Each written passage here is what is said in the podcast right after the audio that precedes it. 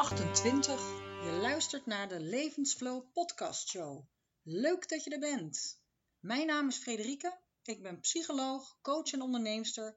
En mijn intentie met deze podcast is om jou te inspireren meer uit jezelf en je leven te halen. Ik neem je mee in mijn persoonlijke ervaringen, ontdekkingen en verwonderingen over het leven. Zowel mijn eigen leven als dat van mijn cliënten die ik begeleid.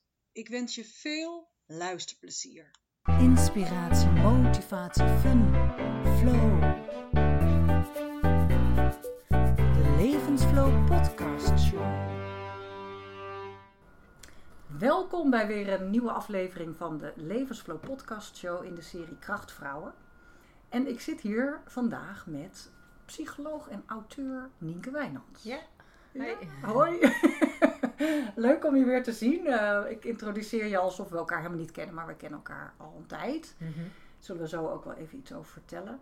Maar ik vind het altijd leuk om eh, in eerste instantie aan de luisteraars uit te leggen waarom ik een gast uitnodig en waarom ik die persoon een krachtvrouw vind, want dat is de Krachtvrouwen podcast. En ehm, ja, ik vind jou sowieso, hè, als ik met je praat, je bent heel welbespraakt. Eh, je hebt veel leuke ideeën. Eh, die ste- steek je ook niet onder stoelen of banken. maar ik vind ook, eh, nou, ja, sowieso heb je de boeken die ik hier heb liggen, de Twintigers Twijfels en Dertigers Dilemma's, wat overigens een nieuwe uitgave is van een eerder verschenen boek al. En Wie ben ik en wat wil ik? Ja. Die boeken, heb je nou nog een boek geschreven? Nee, nee, nee, nee. Het eerste was het dertigers dilemma. En eh, dat heet nu natuurlijk anders. Dus Ja. Ja, precies. 2,5 boek. Ja. Ja, nou dat alleen al, ook de manier waarop je daar eh, schrijft, vind ik eh, nou, krachtig, om het maar even zo te zeggen.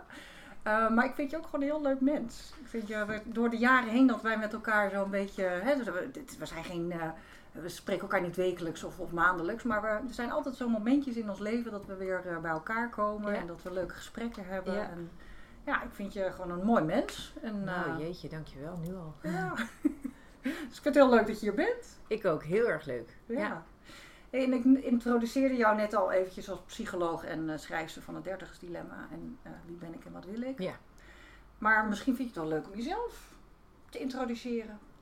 Jeetje, ja, nou het grappige is natuurlijk, wij, wij zouden uit beroepsdeformatie dan natuurlijk kunnen gaan doen wat, wat je dan tegenwoordig doet. Namelijk dat je niet meer de zakelijke dingen noemt. Want eh, we hebben het daar toevallig net, eh, toen we elkaar voor het eerst begroeten en vragen eh, hoe gaat het? Nou, dat is al zo'n vraag van hoe gaat het? Ja, we zijn in de westerse wereld gewend om dan goed te zeggen. Of, en en zodra je niet goed zegt, krijgen mensen al een beetje, oh help, wat heb ik voor vraag gesteld? Hetzelfde is natuurlijk met wie, wie, wie je bent of jezelf voorstellen is het ook altijd interessant wat vertel je. Want Ja. ehm, het is in Nederland natuurlijk toch nog vaak zo dat als je gaat vragen wie je bent. Kijk, nu is het een podcast en het, het gaat een beetje over ons werk inhoudelijk. Ehm, maar wie je bent is eigenlijk wel een, een hele ingewikkelde vraag eigenlijk. Ja, en daar kan je een heel boek over geschreven. maar daar kun je dus op zoveel manieren antwoord op geven. Ja. En ik weet ook dat ik vroeger gewoon mijn naam zei en mijn leeftijd en wat ik deed, weet je wel. En dat je dan denkt, oh wat gek eigenlijk dat dat dan de manier is. Maar goed, om het gewoon even in het kader van eh, het onderwerp, ehm, denk ik dat psycholoog toch nog steeds wel relevant is. Omdat het grappig is dat ik heel bewust ooit wel mijn studie heb gekozen. En heel bewust ook keuzes heb gemaakt in wat ga ik doen in het leven. En dat ik daar al wel merkte dat je daar dan toch een voordeel hebt of een streepje voor op anderen die. Niet als je niet weet wat je, wat je wil, want dat is op zich iets wat heel veel voorkomt. Ik wist het ook niet precies. Maar wel bijvoorbeeld, en daar zullen we het later vast nog wel over hebben, mensen die door een beetje oneigenlijke drijfveren keuzes maken. Van buitenaf opgelegd of verwachtingen Mhm. of weet ik wat allemaal. Dat ik denk, wat de mazzel eigenlijk dat ik, nou ja, door, door, door redenen waar we het vast ook straks nog wel over zullen hebben, keuzes heb gemaakt die heel erg goed bij me pasten. En dat ik dat ook heel belangrijk vond om dat soort keuzes te maken. He- Heel kort gezegd, bijvoorbeeld toen ik echt jong was, mijn vader die is orthodontist, toen dacht ik, oh wat een romantisch idee, weet je, dan ben ik niet zijn zoon, maar zijn dochter en dan ga ik zijn praktijk overnemen. Dat zou toch ontzettend cool zijn. Ehm, Totdat mijn vader tegen mij zei: Nou, het is eigenlijk grappig, hij heeft me een keer in de zomer mee laten draaien. Dan mocht ik de patiënten binnenroepen en zo. En toen zei hij tegen mij: van, Volgens mij vind je het veel leuker om met die patiënten te praten. dan dat jij het leuk zou vinden later om in die monden te hangen. Dat ik dacht: Oh, wat grappig eigenlijk dat hij dat zegt. En vanaf dat moment, dus misschien moet ik mijn vader bedanken. ehm, ben ik echt gaan nadenken van, oh ja, hoe werkt dat dan? Weet je, wat vind je leuk? En eh, dat is natuurlijk ook al meteen de reden dat ik psychologie zo boeiend vond. Want menselijk gedrag Ja. vind ik tot op de dag van vandaag gewoon het meest interessante en het allerboeiendst wat er is. Ja. En wat, ik, wat mijn volgende stap was, dat ik toen na, na, nadat ik eh, de droom om eh, mijn vader trots te maken vaarwel had gezegd, ooit een programma zag, destijds, ik ben 47 net geworden, destijds op de televisie, ik denk dat ik net op de middelbare zat of zo, van Annette Heffels. Die had dan, ehm, ja, pas in onze tijd een, eh, een beroemde psycholoog. En zij had een programma op televisie in therapie. En daar ging ze dan mensen gewoon op televisie, en later bleek het wel voor een deel ook geacteerd te zijn, was natuurlijk ook met privacy en weet ik wat allemaal, gingen ze mensen van bepaalde dingen afhelpen, was eigenlijk een soort cognitieve gedragstherapie op televisie. Ja. Nou, ik vond dat toch woest interessant. Ik dacht, nou, dit is het, weet je wel. En het grappige is dat ik daardoor ook die keuze heel bewust heb gemaakt, maar ook weer toen ik klaar was met mijn studie, weer heel erg lang voor de buitenwereld, en mijn ouders vonden het ook knap irritant, heb nagedacht van, ja, nu heb ik het papiertje wel op zak, maar wat wil ik nu eigenlijk? En dat ik nu, omdat jij dus vraagt, misschien wil je jezelf introduceren. Dat ik denk dat de reden dat ik die vraag ook zo serieus neem, is dat ik daar altijd dus zo over na heb gedacht. Wie ben je nou eigenlijk echt? En Ja. dat ik in mijn werk ook. Dat is misschien ook wel de vraag die, die, die de psychologie eh, vertegenwoordigt of zo. Hè? Zeker de, nou ja, nee, ja, wou zeggen de klinische, maar dat is niet alleen de klinische, überhaupt van wie is de mens? Ja, Ja. nou ja, en het grappige is precies dat je dat zegt. Want achteraf denk ik nog wel eens, nou, psychologie was dus echt een schot in de roos. Maar misschien had ik nog beter filosofie kunnen gaan studeren. Want dat ligt me eigenlijk nog meer. Alleen Ja. de- dat is grappig, dat was dus wel een, een soort van taboe. Dus wel een soort van opgelegd iets of verwachtingspatroon. Dat mijn ouders vonden psychologie, zeg maar, in die tijd. Dus dat was eh, de jaren 80, 90. eh, op het randje van te vaag en te zweverig. Kan je nagaan, psychologie. Maar filosofie was echt een brug te ver. dus eh, dan zie je dus toch hoe je je dan toch alsnog laat beïnvloeden misschien. Maar ik denk dat ik eigenlijk gewoon van het bestaan niet wist. En dat ik ook Nee. niet wist wat filosofie inhield. Maar dat... En misschien ook wel, ja, sorry dat ik je Nee, onderbreek, maar ik moet ook even denken aan het gesprekje wat we hiervoor hadden. Is dat je misschien op die leeftijd ook nog de waarde van de filosofie nog niet had gezien, omdat je er nu op latere leeftijd veel beter begrip van hebt. Van wat houdt die filosofie, wat is dat dan eigenlijk? Hè? Die soorten vragen die in de filosofie gesteld worden, de- het gedachtegoed. Je vertelde net over de Maslow-pyramide dat je dat in je hoofd moest stampen toen je 18 was. Ja, ja, En nu snap nu denk je, hoezo moet je daar überhaupt over nadenken? Dat is toch meer dan logisch? ja. Dus misschien had je op, die, op je 18 en 19 niet al die filosofische dingen ook helemaal niet zo kunnen begrijpen. En Nee. snap je dat nu gewoon veel beter? Nee, ik had daar waarschijnlijk niets van begrepen. En ik had het waarschijnlijk als standpunt gezien. Eh, Ik zeg nog steeds heel vaak van... Ja, studie is paarlen voor de zwijnen werpen voor mensen vanaf 18. Omdat, ja, wat, wat kun je er echt van snappen? Maar tegelijkertijd had ik dus wel het idee dat er wel mensen tussen zaten... Ik had het gevoel dat ik het niet kon begrijpen op het level waarop ik het nu kan begrijpen. Omdat ik te jong was gewoon. Ja. Maar ik vraag me dus af of dat voor iedereen geldt. Dat weet ik eigenlijk gewoon niet. Nee. Maar antwoord op de vraag dus wie ik ben, geen idee. Dat is, mijn, mijn leven is een werk in uitvoering. Ehm, Mooi, ja. Maar, ja. maar eh, ik voel me wel steeds comfortabeler bij bijvoorbeeld bepaalde labels. Dat ik ook, eh, hè, als ik dan eh, over een website zit na te denken... Dat ik dan denk van, oh ja, vroeger had ik misschien psycholoog, loopbaanadviseur. En nu denk ik soms denker, schrijver, spreker. Dan denk ik al meer in activiteiten dan in Ja, de titels, weet Ja. je wel. Dus dat, dat vind ik heel boeiend om daar op die manier over na te denken. ja. En wat misschien dan wel ook een leuke vervolgvraag is. ehm, want we hadden, ik vraag je, stel je de vraag wie ben je, stel jezelf eens even voor. Eh, nou, dan komt dit verhaal. En eigenlijk ook het antwoord van dat is ook nogal een moeilijke vraag. Het is ook een bewegelijke vraag. Mhm. Want je bent als mens natuurlijk niet statisch, je Nee. verandert. Ehm, jouw tweede vraag in, onder, in dat boek is: wat wil ik? Ja, Weet je dat dan? ja nou ja, dat, dat leek ik dus in ieder geval beter te weten dan veel mensen om mij heen. Ik denk dat dat een van de dingen was. ehm, want ik heb dus heel bewust voor, voor de opleiding gekozen waar ik voor koos.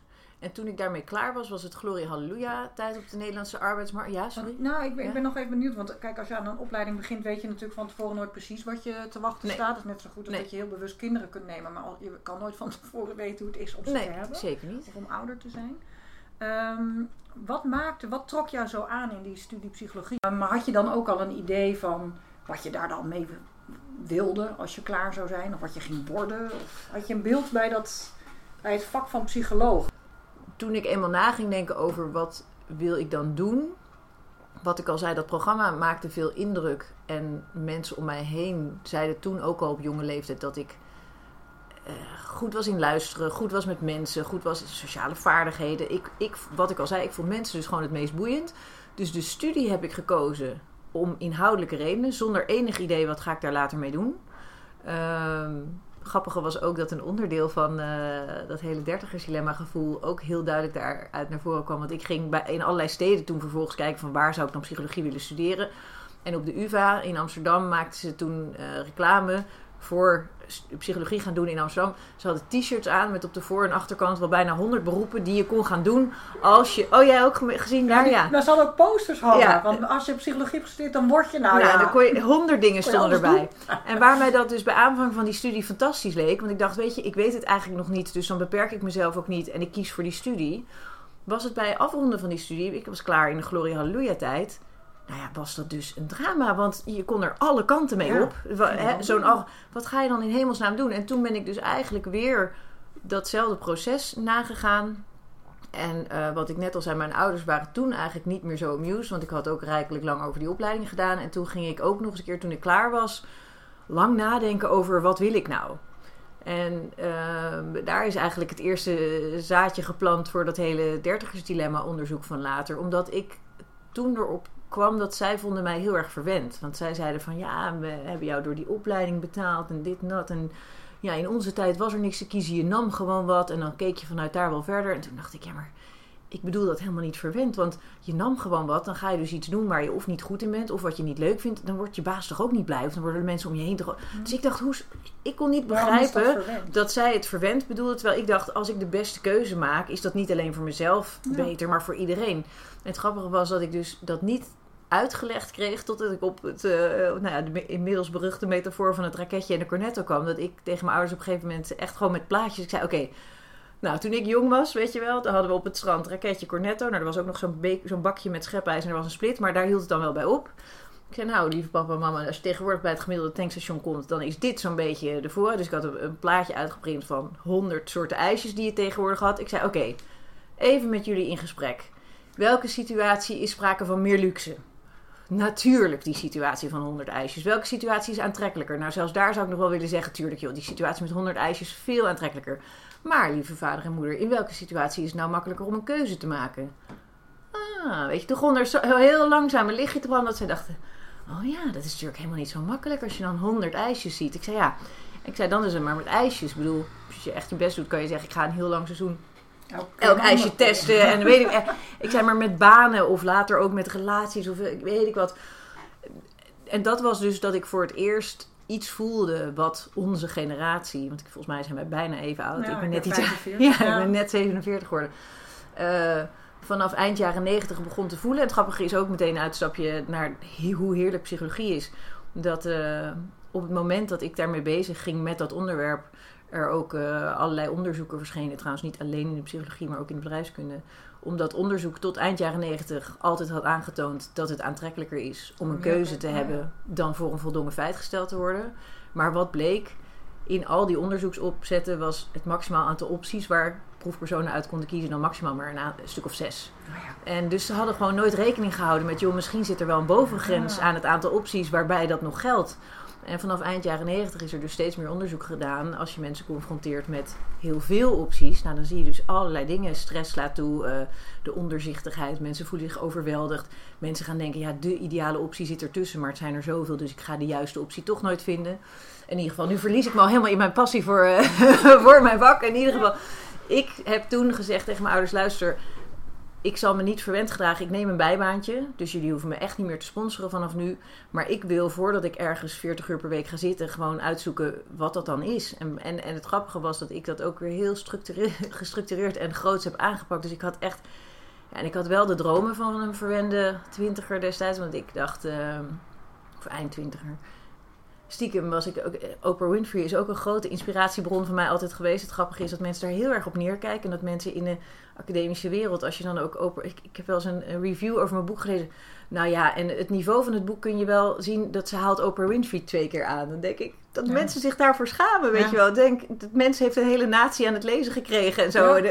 Ik, ik schaam me daar helemaal niet voor om. Oprah Winfrey fantastisch te vinden. Dus Die was ook met haar... vind ik ook altijd heel leuk van jou, want dat, dat heb je wel eens vaker benoemd. En ja, ik vind haar ook heel tof. En ze, inderdaad, als je kijkt wat zij voor elkaar heeft gekregen, dat is toch fantastisch. Ja, Vinden ze ja. Nou ja, En kijk, het is natuurlijk ook, want misschien gaan we het daar ook nog over hebben. Kijk, ons vakgebied, er wordt natuurlijk ook een hoop gebakken lucht verkocht. Dus er is ook een hoop onzin. En tegenwoordig zeker business coaches, maar ook zogenaamde psychologische coaches op Instagram. Ik heb er echt heel veel moeite mee op sommige gebied.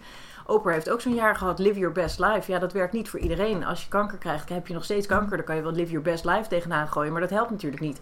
Maar voor Jan en Alleman, die struggelen met hun alledaagse dingetjes, kan een Oprah of een coach of een dit of een dat ontzettend goed werken. En daarom vond ik haar zo super inspirerend, omdat zij op een hele laagdrempelige manier psychologie voor de gewone man bracht. En ook een beetje uit de taboesfeer heeft gehaald. Weet je wel? Ook naar een therapeut gaan. Dat was natuurlijk vroeger echt van. "Oeh, dan ben je, niet, dan ben je niet in orde. Dus wat ik op mijn lijstje had staan, de Nederlandse Oprah Winfrey worden. En daarmee bedoelde ik niet van ik wil op tv. Maar ik bedoelde, ik wil psychologie dus je wilde dat over het voetlicht brengen. Ja, ik wil dat iedereen zich comfortabel voelt om naar een psycholoog te gaan als dat nodig is. Of om psychologische boeken te lezen als dat nuttig is. Of wat dan ook. Dus dat was mijn motivatie daarbij. En toen dacht ik ook al meteen, oké, de Nederlandse Oprah Winfrey is misschien een beetje hoog gegrepen. Als ik dat praktisch vertaal, stond er dan op mijn, al mijn spreadsheets stond dan trainingen geven, lezingen geven. Omdat ik dacht, hè, hoe breng je dan... Ja. En het grappige was eigenlijk ook weer, er zat nog wel weer een diepere drijfveer, lag er aan de grondslag. Het mooie wat ik daarin zag, en dat is wat ik nog steeds heb. Ik vond dat menselijk gedrag zo boeiend. Maar ik zag ook hoe mensen het zichzelf heel erg moeilijk maken. Mhm. Op allerlei manieren dat je denkt, nou dat kan echt makkelijker, simpeler, anders, beter. Eh, en niet beter in de zin van prestatiegericht, maar beter gewoon zodat het voor jou zelf beter werkt. Dus mensen helpen effectief gedrag te vertonen. Dat werd vanaf dat moment wel mijn gevoel dat ik dacht, dat wil ik echt. Weet Ja. je, dat is wat mij heel erg aanspreekt. Maar tegelijkertijd zat er ook naast dat eh, in Nederland waren in die tijd nog geen koffiecompany of wat dan ook. Dus ik dacht, ja, een biologische koffie- en broodjesstand beginnen. Dat is ook nog wel wat op mijn lijstje staat. Of nog steeds die natuur. Jane Goodall, de grote Ja. eh chimpansee-onderzoeker. Ik dacht, ja, naar Tanzania gaan en gewoon in de bossen verdwijnen en eh chimpansees bestuderen. Weet je, dat stond ook op mijn lijstje. Dus eh, daarmee bedoel ik maar, die wat wil ik vraag, ehm, die kan ontzettend breed zijn. Maar als je dat een beetje gestructureerd aanpakt. Ik heb daar uiteindelijk negen maanden over gedaan. Dus ik heb negen maanden lang, terwijl ik een bijbaantje had om in mijn onderhoud te voorzien, zeg maar, heb ik allerlei routes bewandeld om te kijken. Wat past er bij mij? Ik heb aan iedereen die het maar wilde gevraagd van... joh, wat zie je mij doen? Wat vind je mijn plussen? Wat vind je mijn minnen? Wat zou je echt... eh, wat voor soort beroepen? Nou, daar kwamen er ook geweldig leuke dingen uit. Je moet het eens vragen aan andere mensen. Ja. Joh, wat zie je mij doen? En, dus dat was ontzettend leuk. Ik heb een, die vraag die heb ik ook inderdaad. Ik heb dan zo'n kwaliteitenlijstje wat ik in loopbaan. som- eh, ik doe dat niet bij iedereen, maar als iemand echt een specifieke loopbaanvraag heeft, dan krijgen ze altijd een kwaliteitslijst mee om aan anderen in te laten vullen. En daar Ja. zit ook de vraag bij: wat zie jij, puntje, puntje, helemaal doen? Ja, ja, en het is echt Heel grappig, want, want er komen natuurlijk ook dingen uit waarvan je denkt, oh ja, dat had, die had ik zien aankomen. Maar er zitten ook dingen dus dat je denkt, echt, hè, oh wat grappig. En daar leer je dus ook weer wat van en daar haal je wat uit. En na die negen maanden, eh, ik ben ah, zo richting het eind van die negen maanden, ging ik gewoon ook overal gesprekken voeren. Dus ik ben echt naar een bank gegaan om te kijken of ik een lening zou kunnen krijgen om in de Beethovenstraat, waar ik toen destijds in de buurt woonde, of ik daar, nou dat was natuurlijk kansloos. Ehm, dus Om daar wat? eh, om daar een koffietentje te beginnen. Weet Nou je, ja. gewoon mag ik, een, mag ik een lening? Want ik kom net uit de universiteit. Ja, ik heb psychologie gestudeerd, maar ik wil graag een biologische koffie- en eh broodjeszaak openen. Ja, weet je, dus dat soort.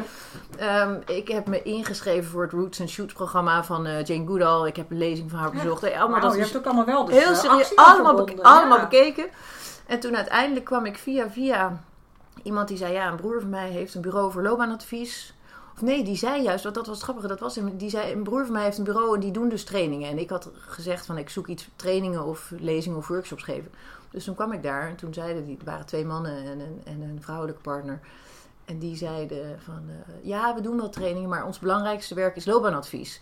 En ergens halverwege het gesprek zei ze, ja, het klinkt heel gek misschien, maar wat jij met jezelf hebt gedaan de afgelopen negen maanden, dat is wat wij in betaalde vorm doen voor anderen. En we hebben eigenlijk nooit iemand ontmoet die op zijn 26e al zo gestructureerd, ja, een beetje lang misschien, om daar negen maanden aan te spenderen. Maar dit is nou... En zij waren er niet ook geen hulp bij, hè? Jij deed het helemaal in mijn eentje gedaan. Dus als jij anderen Ja. daarbij kan helpen, kan dat sneller. Veel sneller. Dus dat was het grappige. Dus dat was, en het was ook weer inhoudelijk, maar ook ins- qua inspiratie was het meteen een match. Dus er, er waren drie bazen. Eentje was commercieel, eentje was inhoudelijk, eentje was een echte organizer, een operationeel iemand. En ik vond ze gewoon inspirerend. En toen ze uitlegden van wat doen wij in loopbaanadvies en wat doen wij, ze deden ook outplacement. Dus het, hè, wanneer mensen eruit vliegen door wat voor reden dan ook, van hoe help je iemand naar een nieuwe baan. Ja. Ik dacht, nou ja, dit is het. En dat was hetzelfde gevoel als toen ik bedacht van ik ga psychologie studeren. En ik was ook stom verbaasd dat ze mij aan wilden nemen zonder enige ervaring. En achteraf bleek dat niet geheel altruïstisch te zijn, want zij, dat was dus begin 2000. Ik denk dat het World Online drama net was geweest, en 2001 dus.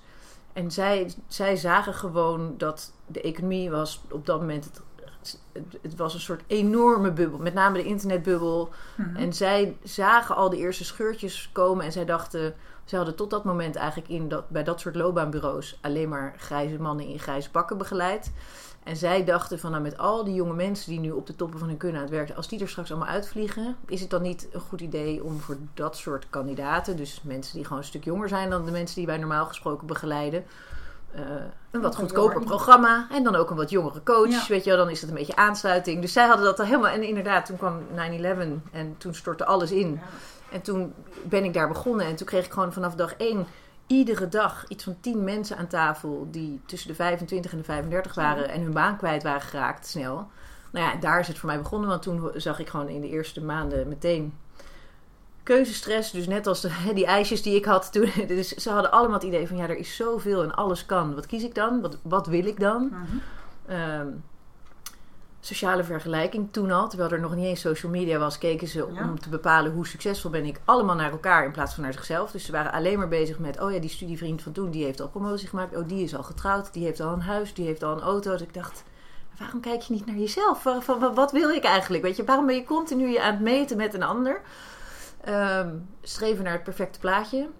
En zeker in randstedelijk gebied met hoger opgeleiden kon je dat echt uittekenen. Dus eh, nou ja, na je studie eh, ga je een uitdagende baan, spannende relatie. Je blijft je familie natuurlijk veel zien. Je doet vrijwilligerswerk erbij. Ja. Als je op reis gaat, ga je niet ergens op het strand liggen. Nee, dan moet je met je rugzak langs pak een beetje hoogtepunten van Tibet, Myanmar, Nepal. Ehm, je sport natuurlijk genoeg. Als je een huis koopt, is dat een jaren 30 huis wat je zelf gaat opknappen. Als je je kinderen krijgt. Nou, nee. Dus echt zo'n leven wat je kon uittekenen waar alles in zat. Ja, het je raakte al vermoeid als je naar keek van Ja. de buitenkant. En toen het laatste ding, eh, dat ik dus mensen van 6, 27 aan tafel had zitten die echt zeiden van ja, steeds vaker denk ik van nou is dit het nou? En wil ik nog wel 20 jaar zo ver? En ik dacht, hè, mensen aan tafel met een midlife crisis, maar ze zijn 26. Ja. Nou ja, zo. Ja. En dat is toen voor jou ook aanleiding geweest om dat eh, promotieonderzoek te gaan doen, toch? Ja, eerst was het, want ik werkte er nog niet lang. En eh, ik begon al in de eerste maanden bij mijn baas aan de bel te trekken. Ik zei, joh, we hebben niet het juiste begeleidingsprogramma voor deze doelgroep. Want jullie hebben korte en lange programma's. Voor als het een ingewikkelde case of, een, Hmm. of iemand is die makkelijk eh, ergens anders wordt geplaatst. Maar eh, jullie hebben niks gedifferentieerd naar leeftijd. En ook al zullen jullie misschien zeggen van nou, dit zijn echt helemaal geen nieuwe vragen. Ik zei, er, er is iets met deze doelgroep. En eh, het waren die dingen die ik net noemde. Maar ik twijfelde natuurlijk ook heel erg van... neem ik dit nou alleen waar in mijn eigen kleine geprivilegeerde Ja. kringetje? Weet je wel, is dit alleen onder jonge hoge... Hoe zit dit? En, ehm, maar, Maar hoe ik kom je tot wel... dat, want eh, dat, dat soort vragen kun je hebben. Maar dan kom je ineens dat je een promotieonderzoek aan de UvA te doen. Daar zit toch nog wel wat tussen, of niet? Nou ja, dat was dus het grappige. Want, en eh, even belangrijk om te zeggen, vanaf het begin, ik ben niet gepromoveerd. Want dat, dat onderzoek is ooit in de koelkast beland. Ik zal Hmm. straks vertellen waarom. En dat is er nooit meer uitgehaald. Dus ik ben nog steeds niet... Ik ben begonnen aan promotieonderzoek. En ik zeg ook niet dat ik het nooit ga afmaken. Maar voorlopig doe ik hele... Nee, dus hoe het begon was een praktische, hele praktische vraag van mij. En ik heb toegepaste psychologie. Weet je, dat is voor, voor niet-psychologen een beetje allemaal misschien veel te technisch. Maar... ehm, je hebt natuurlijk allerlei theorieën, maar wat ik altijd boeiend vond, is toegepaste psychologie. wat heb je Ja, eraan? wat weet heb je je wel? eraan? Wat heeft. Jantje, Pietje, klaar. precies, ik zat ik Ja, dacht wel. Truus op de straat, wat heeft zij eraan als ik een een of ander onderzoek doe? En het grappige was, hier diende het onderzoek diende zichzelf aan. Ik zag die groep, ik zag steeds dezelfde vragen, dus er, ze voelden druk, keuzestress, tijdsdruk, sociale druk, druk naar perfectie, druk naar prestatie. Ehm, en dan dat is dit alles gevoel, wat heel groot leek en ook vreemd voor die leeftijd en vreemd voor die levensfase in eerste instantie. Dus mijn eerste vraag eigenlijk bij mijn bazen was: ehm, ik wil een programma schrijven. Ik wil een loopbaanprogramma schrijven voor deze doelgroep. Dat vonden ze al vrij snel oké. En toen kwam ik dus op dat punt waar ik net heel kort al even iets over zei. Dat ik dacht, ja, maar als ik nu, omdat ik, nou toen had ik misschien 40 mensen gezien of zo, 40 mensen heb gezien, een loopbaanprogramma ga schrijven. eh, Gebaseerd daarop, weet je, wat, wat is dat voor gebakken lucht? Weet je, ik neem in mijn eigen kringetje dit waar en ik ga dan. Dus toen, eh, en ik, ik, ik wist helemaal niet dat ik zo van het onderzoek was Ja, of zo. het Nee, Van de wetenschap. ja, totaal niet. Maar dat leek dus wel toen meteen in mij op te komen. Dat ik dacht, als ik dat goed wil doen, dan moet ik daar onderzoek naar Het doen. moet onderbouwd zijn. En toen dacht ik van ja, dan kan ik zo'n onderzoeksbureautje inschakelen. Maar ik kan natuurlijk ook gewoon teruggaan naar de UvA. En ik had met een aantal mensen daar nog best prima contact. Dus ik dacht, ik, ik zoek gewoon een professor uit. En er was ook nog allemaal discussie van, moet dat dan vallen onder sociale psychologie of onder arbeids- en organisatie? Ik dacht, maar mensen, wat een gedoe. Ik, ja. ik wil dit gewoon doen. En uiteindelijk vond ik bij sociale psychologie iemand die het ook boeiend vond en die het ook snapte. En eh, die ook zei van nou, we kunnen ook stagiaires eh jouw kant op sturen, want het is natuurlijk hartstikke interessant onderzoek. En waar het dus begonnen was met een hele praktische insteek van ik wil gewoon het beste coachings loopbaanprogramma maken voor deze doelgroep. Is volledig uit de klauwen gelopen, want toen werd het een onderzoek en eh, dat werd groter. En het, het grappige was dat alleen al uit het aantal mensen wat deel wilde nemen aan dat onderzoek bleek al hoe populair dat onderwerp was. Ja? Niemand had er ooit wat over gezegd. Het grappige was, ik weet ook nog heel goed hoe, hoe de naam ontstaan is. Want eh, ik was al, dat, dit, dit was al drie, zes stappen verder, was ik al bezig met dit onderzoek. Toen mijn baas op een gegeven moment zei van, ja Nieke, voor jou moet altijd alles perfect zijn en helemaal afgerond. Maar je moet nu ook een keer de boer op met dit onderwerp. En toen zei ik, ja, maar het is nog niet klaar en het is nog niet af en het is nog niet perfect. En zo. Toen zei hij, nee, maar als jij nou gewoon, en jij, je moet iets op papier zetten. En dat lukte mij niet. Niet een samenvatting kon ik nog maken toen. En eh, toen kwam hij bij mij, hij, de grote baas uit zijn grote kantoor, kwam bij mij, de jonkie, in het allerkleinste kantoortje, eh, het allerkleinste eh, kamertje van het kantoor, kwam hij bij mij zitten. Ging hij achter de computer zitten zei hij, nou, gewoon spuien. Als jij het beschrijft, wa- waar, waar praat je dan over? En hij zat te typen. En toen zei hij, op een gegeven moment zei hij, oké, we gaan even natuurlijk de duivelse dilemma's der dertigers, schreef hij toen op. Zo. En, en hij daarna maar doortypen van, wat is het, waar gaat het over, waar hebben ze last van, enzovoort. Nou ja, oké, nu heb je wel een beginnetje. Ja, dag, ik ben weg. Nou, hij ging weer weg. Dus toen heb ik daar achter die computer gezeten. En dat was precies wat ik nodig had. Want ik vond zijn tekst onzinnig. Maar natuurlijk wel heel veel haakjes om de... Dus ik dacht, de duivelse dilemma's der dertigers. Dat gaat toch niet... dacht ik, maar het zijn wel dilemma's. En het zijn wel... Ja, oké, het is 25 tot 35. Maar dat noem ik dan wel dertigers. Nou, zo is dat woord dertigersdilemma's ontstaan. En toen ik daar eenmaal... eh, Toen is diezelfde baas... Die had een interview op een heel andere reden met Psychologie Magazine... En toen zei hij ergens aan het einde van het interview: Ja, we hebben hier ook nog een jonkie zitten. En die is onderzoek aan het doen naar de dilemma's van de dertigers. En die vrouw was, was echt, echt een eh psychologie-redactrice. Dus die dacht meteen: Ha, dat klinkt interessant. Ik denk dat ik meteen snap wat dat betekent. Dus zei Kan ik er. Ik was boos op die baas. Ik dacht: Nee, dit is mijn baby, mijn ei. En het is nog niet gelegd. Het is nog niet af. En dan moet ik er nu over gaan praten. Terwijl ik. Ik ben nog onderzoek aan het doen en zo. Toen werd ik gebeld: van ja, we willen Psychologie Magazine wil een interview over ik zei, ja nou, het heet niet duivels, het is het dertigersdilemma. Nou, toen kwam dat in 2003 of 2004 of zo, kwam dat dus, voordat er nog iets geproduceerd Ja. was van mijn kant, kwam dat dus met grote chocoladeletters in Psychologie Magazine. En vanaf dat moment stond dus bij ons op kantoor gewoon de telefoon rood gloeiend. Ja? Want ja, en de, en de reden daarvoor was dat achteraf gezien was het ook heel logisch dat ehm, gewoon puur door maatschappelijke ontwikkelingen de generatie zo geboren rond de jaren 70 de eerste generatie was die hier zo ontzettend veel last van had. Want de babyboomers, eh, echt de generatie daarvoor, zat echt nog in het stramien van rond de twintigste huisje, boompje, beestje. En daarmee verdwenen dus eh, die, leven, die levensfase van rond de 30 was voor babyboomers veel minder de pressure cook leeftijd dan het voor de generatie X was. Ja. Bij de babyboomers begonnen een aantal van die grote keuzes vielen al veel eerder. Kinderen kwamen al eerder, waardoor je die is dit alles vragen al lang geen tijd meer voor had om die te stellen. Ja. En bij de babyboomers kwam dus eigenlijk pas een aantal van die vragen pas weer rond de midlife om de hoek kijken. En wat je dus zag dat bij onze generatie, de generatie van, eh, van geboren in de jaren 70, voor het, de eerste generatie was waarbij rond de 30, dus tussen 25 en 35, er zoveel grote vragen waren, waarvoor op het oog alle opties mogelijk waren. Het leven leek wel maakbaar, terwijl dat natuurlijk eigenlijk in feite helemaal niet zo was. Het latje lag ontzettend hoog om het te maken, want in de economie ging ook alles fantastisch.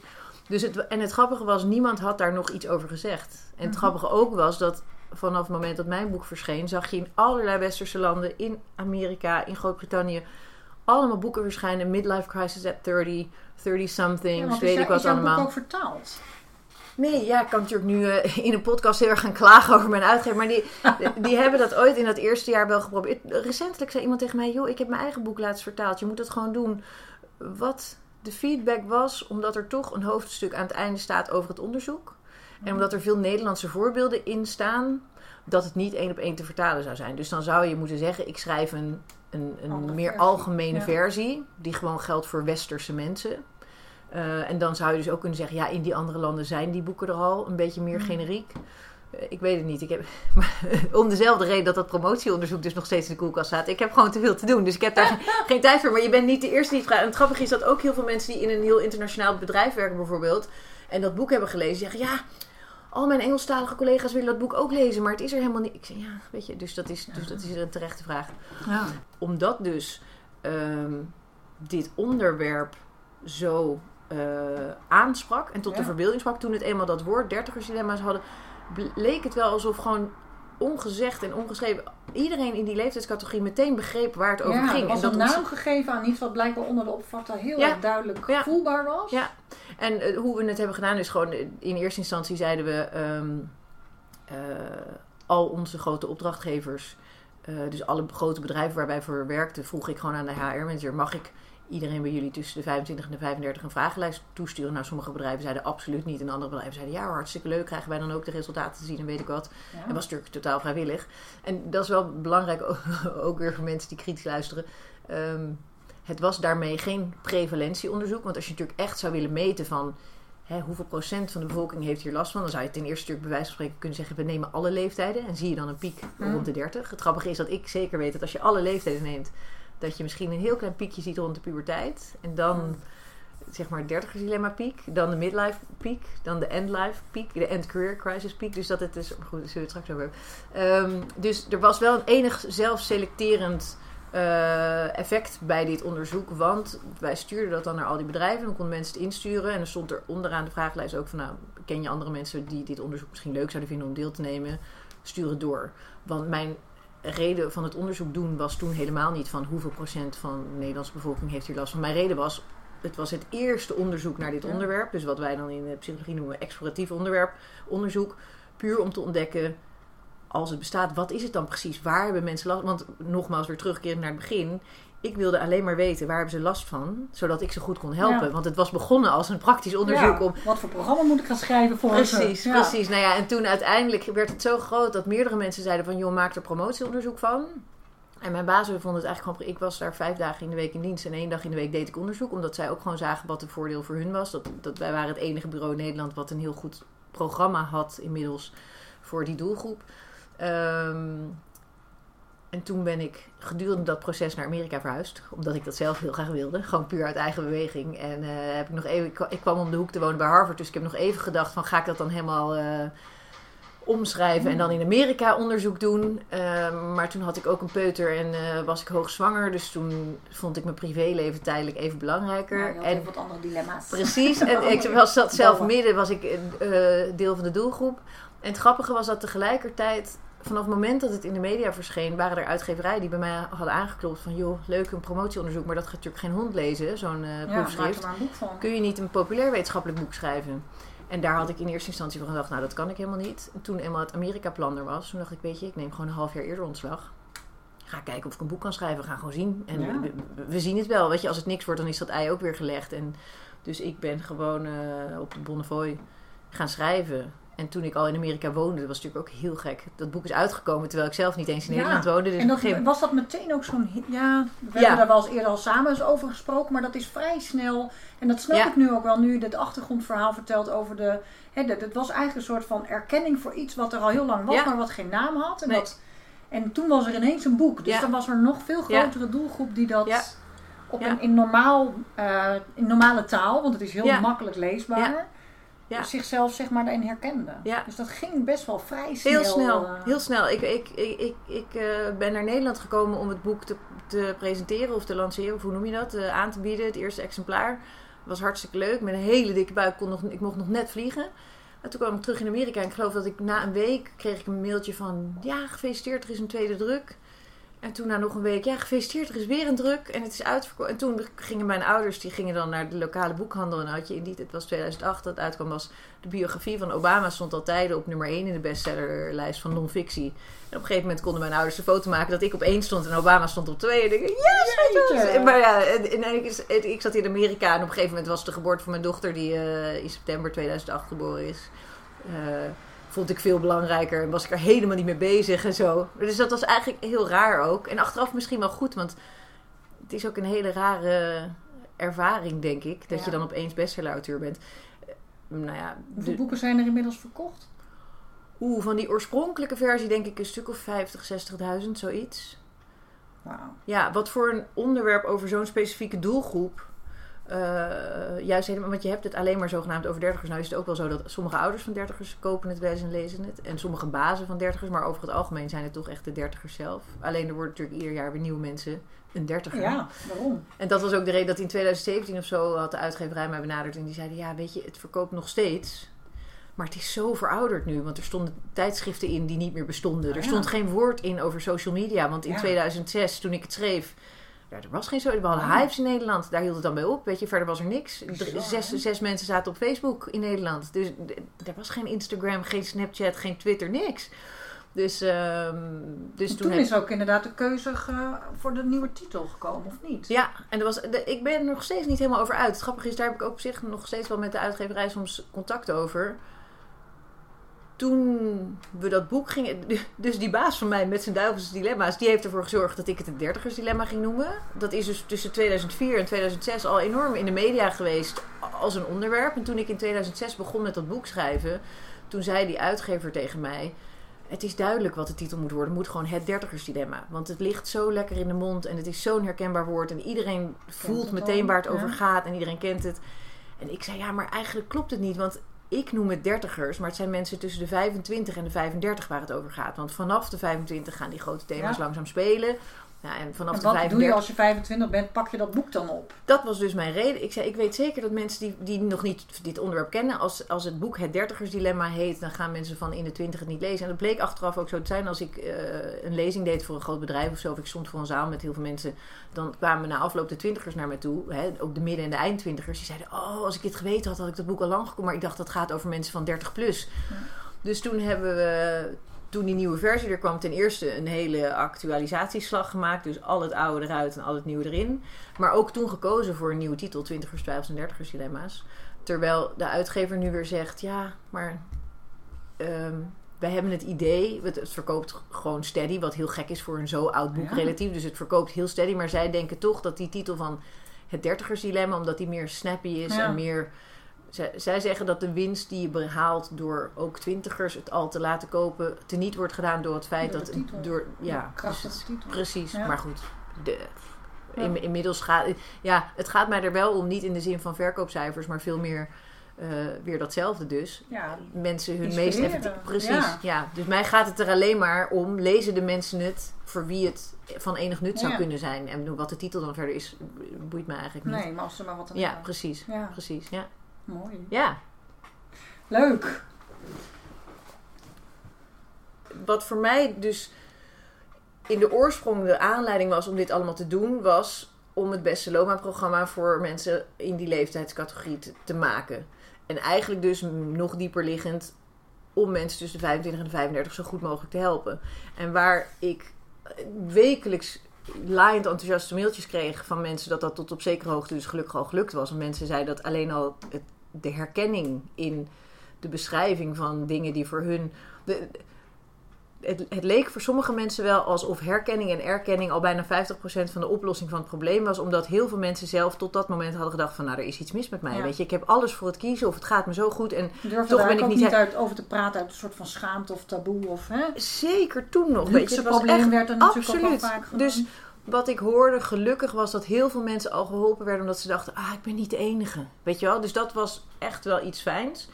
Maar tegelijkertijd was ik zelf nog niet tevreden, omdat ik dacht, ja, ik heb nu een dit is een leuke schets van dit fenomeen. Maar ik ben er nog steeds niet achter, waar komt het nou door? En als ik niet weet waar het door komt, kan ik mensen ook niet helpen om het op te lossen. Of is het überhaupt wel op te lossen, maar kan ik mensen daar niet goed mee helpen?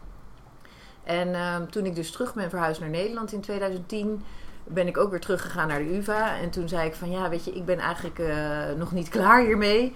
Want ehm, ik, ik ben er gewoon niet achter. Waar zit het hem nou in? Weet je, wat is het probleem nou? Waar hebben ze nou echt.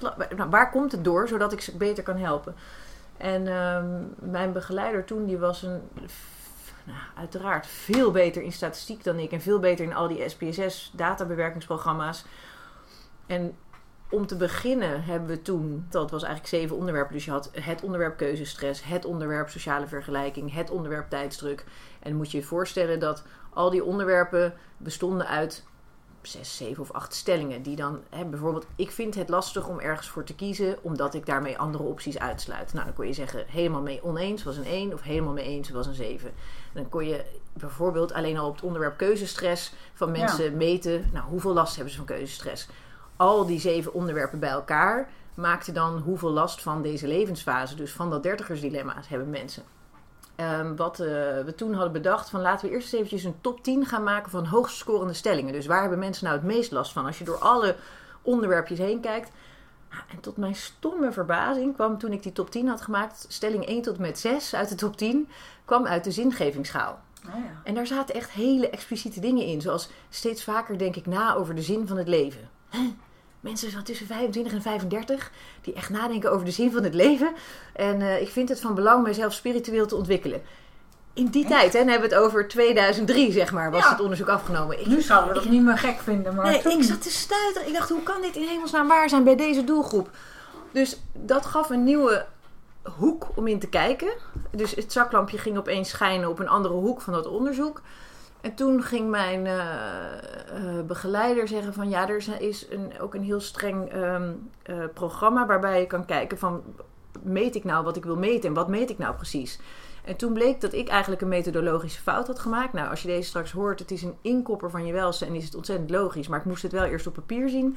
Ik had dus gezegd, deze zeven onderwerpen vormen samen het dertigersdilemma. Van zes van die onderwerpen bleek dat waar te zijn. Dus die hingen dusdanig met elkaar samen dat je kon zeggen, ja, dit is samen één ding. Als mensen last hebben van dit, hebben ze vaak ook last van dat enzovoort. En één van die zeven onderwerpen zat er niet bij, maar zweefde erboven. En nou, je voelt het misschien al aankomen. Dat was die zingevingsschaal. Dus die, die, die, die, die, dat onderwerp van is dit alles? En hoe kun je dat voor je zien? Dat was dus een hiërarchisch verband, maar ook met voorspellende waarden. Dus als ik op een gegeven moment wist van jou bijvoorbeeld persoonlijk, wat is jouw score op die zingevingsschaal? Dan kon ik met een gereden mate van betrouwbaarheid ook jouw score op het overige gevoel van dertigersdilemma's voorspellen. En dat is achteraf natuurlijk ook ontzettend logisch, want als jij op het hoogste niveau in het leven geen idee hebt wie ben ik, waar leef ik voor, waar doe ik het allemaal voor, dan is het natuurlijk ook verdraaid lastig om daar een loopbaankeuze of een partnerkeuze of een kinderkeuze aan vast te knopen. Dus, maar ik moest dat wel eerst zwart op wit op papier En zien. dat je gaat vergelijken en noem het allemaal. Precies, Ja. dus al die onderwerpen die daaronder hingen, zoals die sociale druk, tijdsdruk, keuzestress enzovoort, waren praktische verschijningsvormen. Maar wat was eigenlijk de basisvraag? Waar ging het nou om? Dat was de existentiële vraag. Ja, e- eigenlijk zo groot als wat is het nut van het leven eigenlijk? Ja. Weet je, waarom ben ik hier? Wat, wat, wat heb het allemaal voor nut? Waar doe ik het allemaal voor? En vanaf dat moment, daar kwam ik zo achter, denk ik zo rond 2011, 2012 ben ik me daarop gaan richten. En is dat ook mijn, mijn nieuwe onderwerp geworden. En het grappige is, daar hadden we het inderdaad hiervoor al heel kort even over. Dat was in 2013 eigenlijk helemaal niet zo'n prettige onthulling. Want toen ben ik, ook, toen ben ik daarom ook dat tweede boek gaan schrijven. Eh, wat mijn worstseller is, waar ik heel, tro- heel trots op ben. Is mijn eigen lievelingsboek, maar het eh, verkocht ontzettend slecht. En het werd ook slecht gelezen. Want mijn doelgroep zei van nou, we begrijpen echt niet waar dit over gaat. Waar heb je het over? Ver van mijn bedshow, zweverig, vaag. Andere mensen zeiden ook helemaal niet meer laagdrempelig, maar veel te moeilijk. Gewoon ook niet te begrijpen. Want wat was mijn uitdaging dus geweest? Het eerste boek was dan een beschrijving eigenlijk van het dertigersdilemma met praktische tips. En dat tweede boek heb ik geschreven omdat ik dacht, het is die existentiële vraag. Heel Nederland moet nadenken over wat is de zin van het leven. Ja, dus Nou dat is het wat ben ik, Wie ben ik en wat wil ik? wil ik. hè? Ja. En nu, het grappige was dat ik er destijds vierkant achter stond. En nog steeds als ik het zelf lees, denk ik, ja, dit boek is veel beter en veel belangrijker dan dat eerste boek. Maar ik snap de kritiek nu wel veel beter. Heel veel mensen die mij goed kennen en ook collega's hebben gezegd... het was eigenlijk, heb je een stapje overgeslagen. Want voor jouw lezersgroep was dit wel een hele grote sprong in het diepe. Mm. Je had mensen... Ja, je, en wat ik heb geprobeerd, omdat ik dacht... de enige manier om je die existentiële vraag goed te stellen... is als ik in dat boek geen enkel antwoord geef... maar mensen wel aandraag alle informatie Dus zowel vanuit de wetenschap, als vanuit de filosofie, als vanuit de psychologie, als vanuit het bedrijfsleven. Alle informatie aan te dragen waar je die vraag kunt stellen. En omdat ik volledig wilde zijn en ook weer zo perfectionistisch was, heb ik dat een Terwijl het gaat over een onderwerp waar geen wetenschappelijk antwoord op te geven is. Want wat is de zin van het leven? Weet je, dat is een filosofische vraag. Ehm, heb ik een boek gemaakt wat voor sommigen wat vervreemdend werkt en wat misschien te afstandelijk is. Het grappige is dat tegenwoordig mensen zeggen. En ik had mezelf voorgenomen, ik ga geen antwoorden geven in dat boek, want ik wil alleen maar vragen stellen. En ik had ook me voorgenomen, ik ga ook niet vertellen wat ik ervan vind. Want ik ben maar Nienke Wijnands en ik weet hier niks van. Het zijn allemaal grote denkers, die hebben hier veel nuttigere dingen over te zeggen. En het grappige is dat ik in de laatste jaren, zeker nu ik zelf wat ouder ben en natuurlijk heel veel gewerkt heb met dit onderwerp, met die doelgroep. Mensen zeggen, ja, maar ik wil juist wel weten wat Nienke Wijnands hiervan vindt. Ja. En dat ik mezelf in die rol heb voelen te moeten groeien. Ja, precies. En ik denk dat dat toen ook op zich nog niet zo gek was. Want ik was er toen pas net zelf achter door mijn onderzoek dat dit de vraag was die gesteld moest worden. Maar ik had me, en ik had mezelf persoonlijk die vraag al regelmatig gesteld. Maar ik had nog nooit geoefend met die vraag met anderen. Ik had ook nog nooit geoefend om die vraag aan groepen voor te leggen. Of te werken met Mhm. mensen en dan die vraag voor te leggen. Dus misschien was 2013 ook te vroeg. Maar dat is wel het boek waarvan ik denk dat zou ik nu wel graag willen schrijven. Ehm, weet je, waarom vind ik dit onderwerp zo Ja. ongelooflijk belangrijk? Waarom vind ik dit eigenlijk het enige onderwerp wat ertoe doet? Want, en en hoe, hoe heeft het schrijven van ook dat tweede boek, eh, want dat is dus heel belangrijk voor je, jou, Ja. want dat is misschien ook dus noodzakelijk geweest om te kunnen staan waar je nu bent en ook bijvoorbeeld de boodschap die je nu hebt Ja. in lezingen en dingen over te kunnen brengen. Zeker, zeker. En, en, ehm, en, en grappig genoeg zelfs ook maar een eerste stapje. Nog niet eens alles. Want toen ik het schreef, voelde ik me echt totaal eh, bewust onbekwaam in dit, in dit onderwerp. Dus ik, ik wist wel dat het onderwerp er was, maar ik haalde al mijn wijsheid bij anderen. En ehm, terwijl ik wel al bedreven was in mezelf de existentiële vraag stellen. Want ik realiseerde me ook gedurende dat proces dat dat misschien wel was wat mij vanaf het begin ook al wel onderscheiden had van anderen. Dat ik me vanaf hele jonge leeftijd al die existentiële vraag stelde. En ook Ja. dat dat bij ons thuis dus ge- gewoon was. Want ik weet nog dat ik heel jong was en dat mijn vader op een gegeven moment zei... Hoe stel je je het eindige, de eindigheid van het heelal voor? En dat ik zei, hé, maar wat bedoel je? Hij zei, nou ja, als je vanaf hier gewoon in een raket stapt en je wordt weggeschoten. Hij zei, is er dan een einde aan? Ik zei, "Hè, maar... Hij zei, want stel nou dat het einde is een muur, maar daar kan je dan toch overheen klimmen. Wat is er dan achter die muur? En dat met een kind van tien, weet je wel, best wel tricky misschien ook. Maar dat, dat soort vragen mij nooit meer los hebben gelaten. Ja. Dat ik ook wel eens twijfelde aan de realiteit. Dat ik nog weet dat ik heel jong was, dat ik ergens op mijn zolderkamertje zat en dat ik dacht... Misschien bestaat dit wel allemaal in mijn hoofd. Misschien ben ik wel helemaal niet. Misschien ben ik niet een kind wat hier zit met ouders die nu beneden zijn. Misschien is dit alles wel een droom. Of nou ja, en, Ja. dus voor mij was die vraag nooit eng vroeger. Hoewel ik hem wel best wel beangstigend vond. Maar ik vond het wel een vraag ja, waar je mee moest experimenteren en over na moest denken. Maar dus ik had alleen persoonlijke ervaring en geen professionele ervaring ermee. Dat schrijven van dat boek heeft me enorm geholpen. En ook, dat was misschien voor mij het moment dat ik dacht... oh, ik ben niet de enige, niet de eerste. Want als je terugkijkt, weet je, van oudsher... de oudste filosofische werken die je kan terugvinden gaan hierover. Hè? Dus zoveel, zulke grote denkers die hun licht hebben laten schijnen over dit vraagstuk. En wat ik zonde vond, was dat ik er toen achter kwam door die zoektocht... dat de filosofie uiteindelijk, na decennia nadenken en praten over die existentiële vraag... op een gegeven moment heeft gezegd van ja, het heeft geen zin om heel veel langer nu na te denken over de vraag wat is de zin van het leven. Want daar gaan we niet achter komen. Dus de mens die nu leeft moet gewoon doen wat werkt. En dat is het pragmatisme. Dat is de hedendaagse filosofische stroming. Dus waar we zijn gegaan van eh, Plato, Aristoteles enzovoort naar in de, de, laatste oprisping van ex- existentiële vragen was in de jaren 60 van de vorige eeuw, waarin Camus en Sartre zich echt nog de vraag stelden van hoe absurd is dit bestaan? Wat is de betekenis ervan? Heeft het menselijk leven zin? Dat ook het verdwijnen van het geloof daar een grote rol in heeft gespeeld.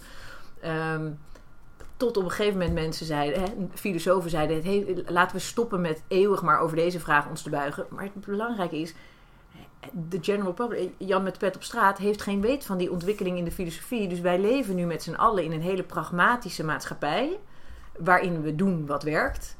Maar waarin we gek genoeg wel allerlei nieuwe religies he- hebben geadopteerd. Want de nieuwe religies van deze tijd zijn ongemerkt het pragmatisme dus onder andere. Maar ook het individualisme, het materialisme, het consumentisme.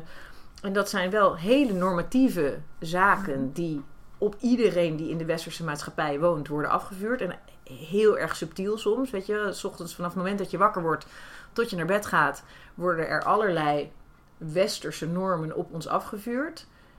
Als dat ook de normen en waarden zijn die jou passen, of als dat jouw drijfveren zijn, dan is dat ook helemaal niet erg. Dan kun je heel gelukkig worden in deze maatschappij. Maar waar ik dus op een gegeven moment achter ben gekomen, is dat, naar mijn idee, heel veel van de mentale klachten van de westerse mens terug te leiden zijn op het gegeven dat we verleerd zijn deze vraag te stellen. En dat het interessante is dat ik tijdens het schrijven van het boek nog dacht: jeetje, maar die vraag stellen. Ik zelf bijvoorbeeld ben niet gelovig. Eh, dus als je mij echt de grootste vraag stelt: heeft het menselijk bestaan op deze planeet nut? Dan zeg ik nee. Dus het, het menselijk bestaan in, in de grootste zin is zinloos, naar mijn idee. Of, en daar maak ik de connotatie, of er is een zin, maar die zal ik in mijn leven in ieder geval niet ontdekken. Daar zal ik in mijn lifetime niet meer achter gaan komen als er een zin zou bestaan. Grappig genoeg ben ik ook wat minder stellig geworden, want uh, stelligheid, zeker in deze tijd, is een van de dingen waar ik het meest allergisch voor ben. Ik zeg daarbij ook, dit is hoe ik erover denk. Het zou ook kunnen zijn dat er wel een God is. Dat één van de vele religies waarheid is. En dat ik daar ook als ik helemaal dood ga achterkom. Mijn persoonlijke overtuiging na een diepgravend proces van existentiële vragen is dat ik vermoed dat de kans groter is dat er geen God bestaat dan wel. Ik vermoed dat de kans groter is dat het menselijk leven op deze planeet geen zin heeft. En waar ik destijds bang voor was, was dat dat een hele deprimerende boodschap is. En daarom durfde ik er in 2013 ook nog niet zoveel mee. Omdat ik dacht van als je nou hele volkstammen gaat aanraden om zich die existentiële vraag te stellen. En het antwoord op die vraag is nou het heb allemaal geen nut. Weet je, wat creëer je dan? En uh, het grappige was dat ook al heeft dat boek zo ontzettend slecht verkocht. bij de lezers die het gelezen hebben en die er blijkbaar aan toe waren of er behoefte aan hadden of wat dan ook, heeft het hetzelfde gedaan wat het voor mij deed. En, en daarom durf ik dat dus nu te zeggen. Want wat het voor mij deed, gek genoeg, was dat die hele periode van dat boek schrijven was dus voor mij zelf een proces om die existentiële vraag die ik me vanaf kinds af aan al wel uh, heel globaal had gesteld, maar nooit structureel, had ik me structureel gesteld. Daar kwam ik uit dat ik dus een nihilistische, absurdistische humanist was. Um, en het grappige was dat ik bij mezelf bespeurde dat ik vanaf de dag dat ik daar soort van achter kwam, ten eerste een soort opluchting voelde, maar ten tweede ook een ongekende vrijheid die ik tot dan toe niet eerder had ervaren. Namelijk dat ik dacht, ah, maar wat een vette mazzel dat ik hier ben. Dat ik dit mee mag maken, dat ik dit leven mag leven. En wie zegt mij nog iets? Wie doet mij wat? En het grappige is dat er nu komt er dan iets heel persoonlijks. Want vervolgens, een jaar nadat dat boek uitkwam, kreeg onze oudste, die is nu 14, die kreeg leukemie. En um, nou ja, net als bij ieder ander die dat zou overkomen, natuurlijk stort je wereld dan in. En dan denk je, een kind van zeven, twee jaar in het ziekenhuis, twee jaar aan de chemo, uh, kaal koppie, weet ik wat allemaal. Maar gewoon echt, uh, de details zal ik je besparen, dat was echt verschrikkelijk. En er waren twee dingen. Het eerste was dat uh, een heleboel mensen die mij goed kenden zeiden: Ja, jeetje, nou zou je dat boek wel heel anders hebben geschreven. Hè? Zeker nu je dit hebt meegemaakt. Mm. En toen dacht ik: Oh nee, dan begrijp je het juist echt helemaal niet. Want dit is waar het boek over gaat. Weet je, want het leven is dus absurd en dit soort dingen gebeuren. En toen realiseerde ik me het tweede interessante.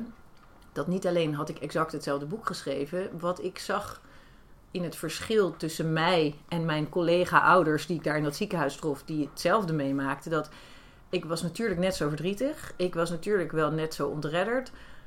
Maar ik was dus niet totaal geschokt door de absurditeit van het leven en dat dit mij kon mm. overkomen.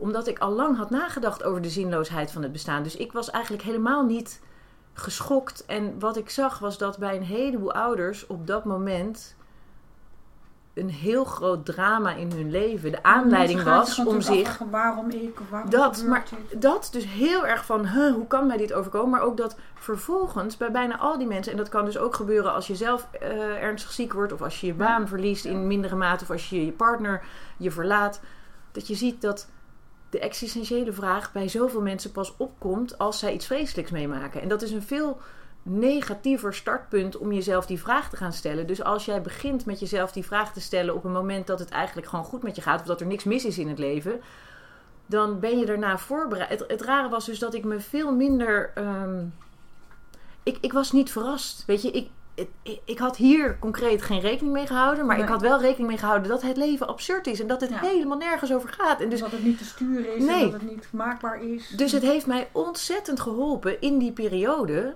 om daar doorheen te komen. En ook om daar op een bepaalde manier met onze zoon over te kunnen praten. En ook om daar in onze relatie dan mee om te kunnen gaan.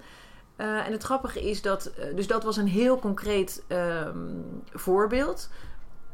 Omdat het je stellen van existentiële vragen en het formuleren van een eigen antwoord beschermt je natuurlijk nog steeds niet voor het leven. Want het leven is dus niet maakbaar. En dat is waar die doelgroep zo enorm is. Precies. Het gebeurt gewoon toch allemaal. Alleen, en dat was het grappige, dat vanaf het moment dat ik dat boek eh, had geschreven en het uit was, kreeg ik, veel minder vaak dan bij 30 dilemma, maar kreeg ik toch eens in de zoveel maanden een mail van iemand en die dan zei, ja, ik kan het gewoon niet uitleggen, maar na het lezen van dit boek heb ik niet alleen meer, minder moeite met het maken van grote keuzes, maar zelfs als ik in de supermarkt sta, vind ik het makkelijker om een keuze te maken. En toen dacht ik, ja, ik snap dus gevoelsmatig waarom dat is. Want als je eenmaal zo dwingend hebt nagedacht over wat is het nut van het bestaan? En vervolgens komt daar de vraag bij, wat is het nut van mijn bestaan dan eigenlijk? En vanaf dat moment komt er dan een soort opluchting van, hé, hey, maar ik bepaal het zelf wel even.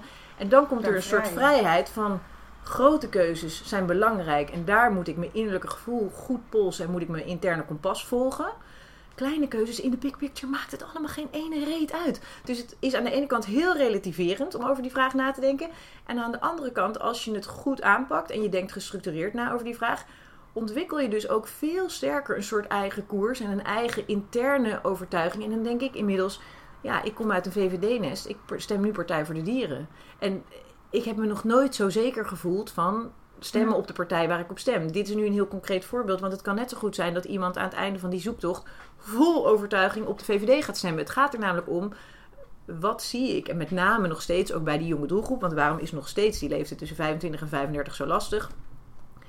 Alle opties zijn er. Het leven lijkt maakbaar. Die druk om het allemaal perfect voor elkaar te hebben is zelfs in corona voelen mensen dat gek genoeg dus tussen de 25 en de 35 nog steeds zo.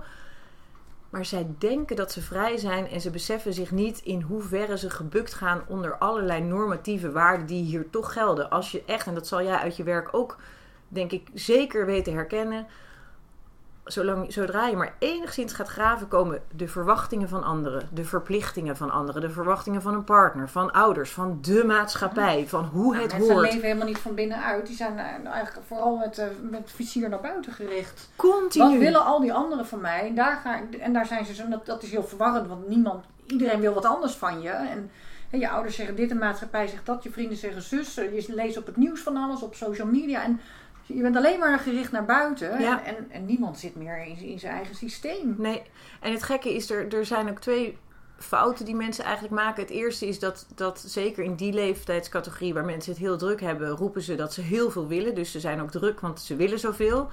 Dan ga je zo'n lijstje met willen, ga je inventariseren. Nou, wat willen ze dan nog allemaal? Daar komen we bij, bij millennials vaak eh, 15 tot 20 knoepers van doelen op. Nou, dan ga je het in een tijdslijn zetten wanneer ze dat willen. Willen ze dat ook allemaal binnen een tijdsbestek van vijf jaar, want straks is het te laat. Dus dan ten eerste begin ik gesprekken te voeren van luister maar, voor jezelf beginnen kan toch ook als je 40 bent. En ah, weet je, dan denk je al, dan zie je ze bijna ook al wakker worden van, oh, daarom voel ik me zo enorm belast. Want ik heb dus 20 knoepers van doelen die ik voor mezelf ook nog eigenlijk vind dat ik ze binnen vijf jaar van nu afgevinkt moet hebben. Dus dat is één.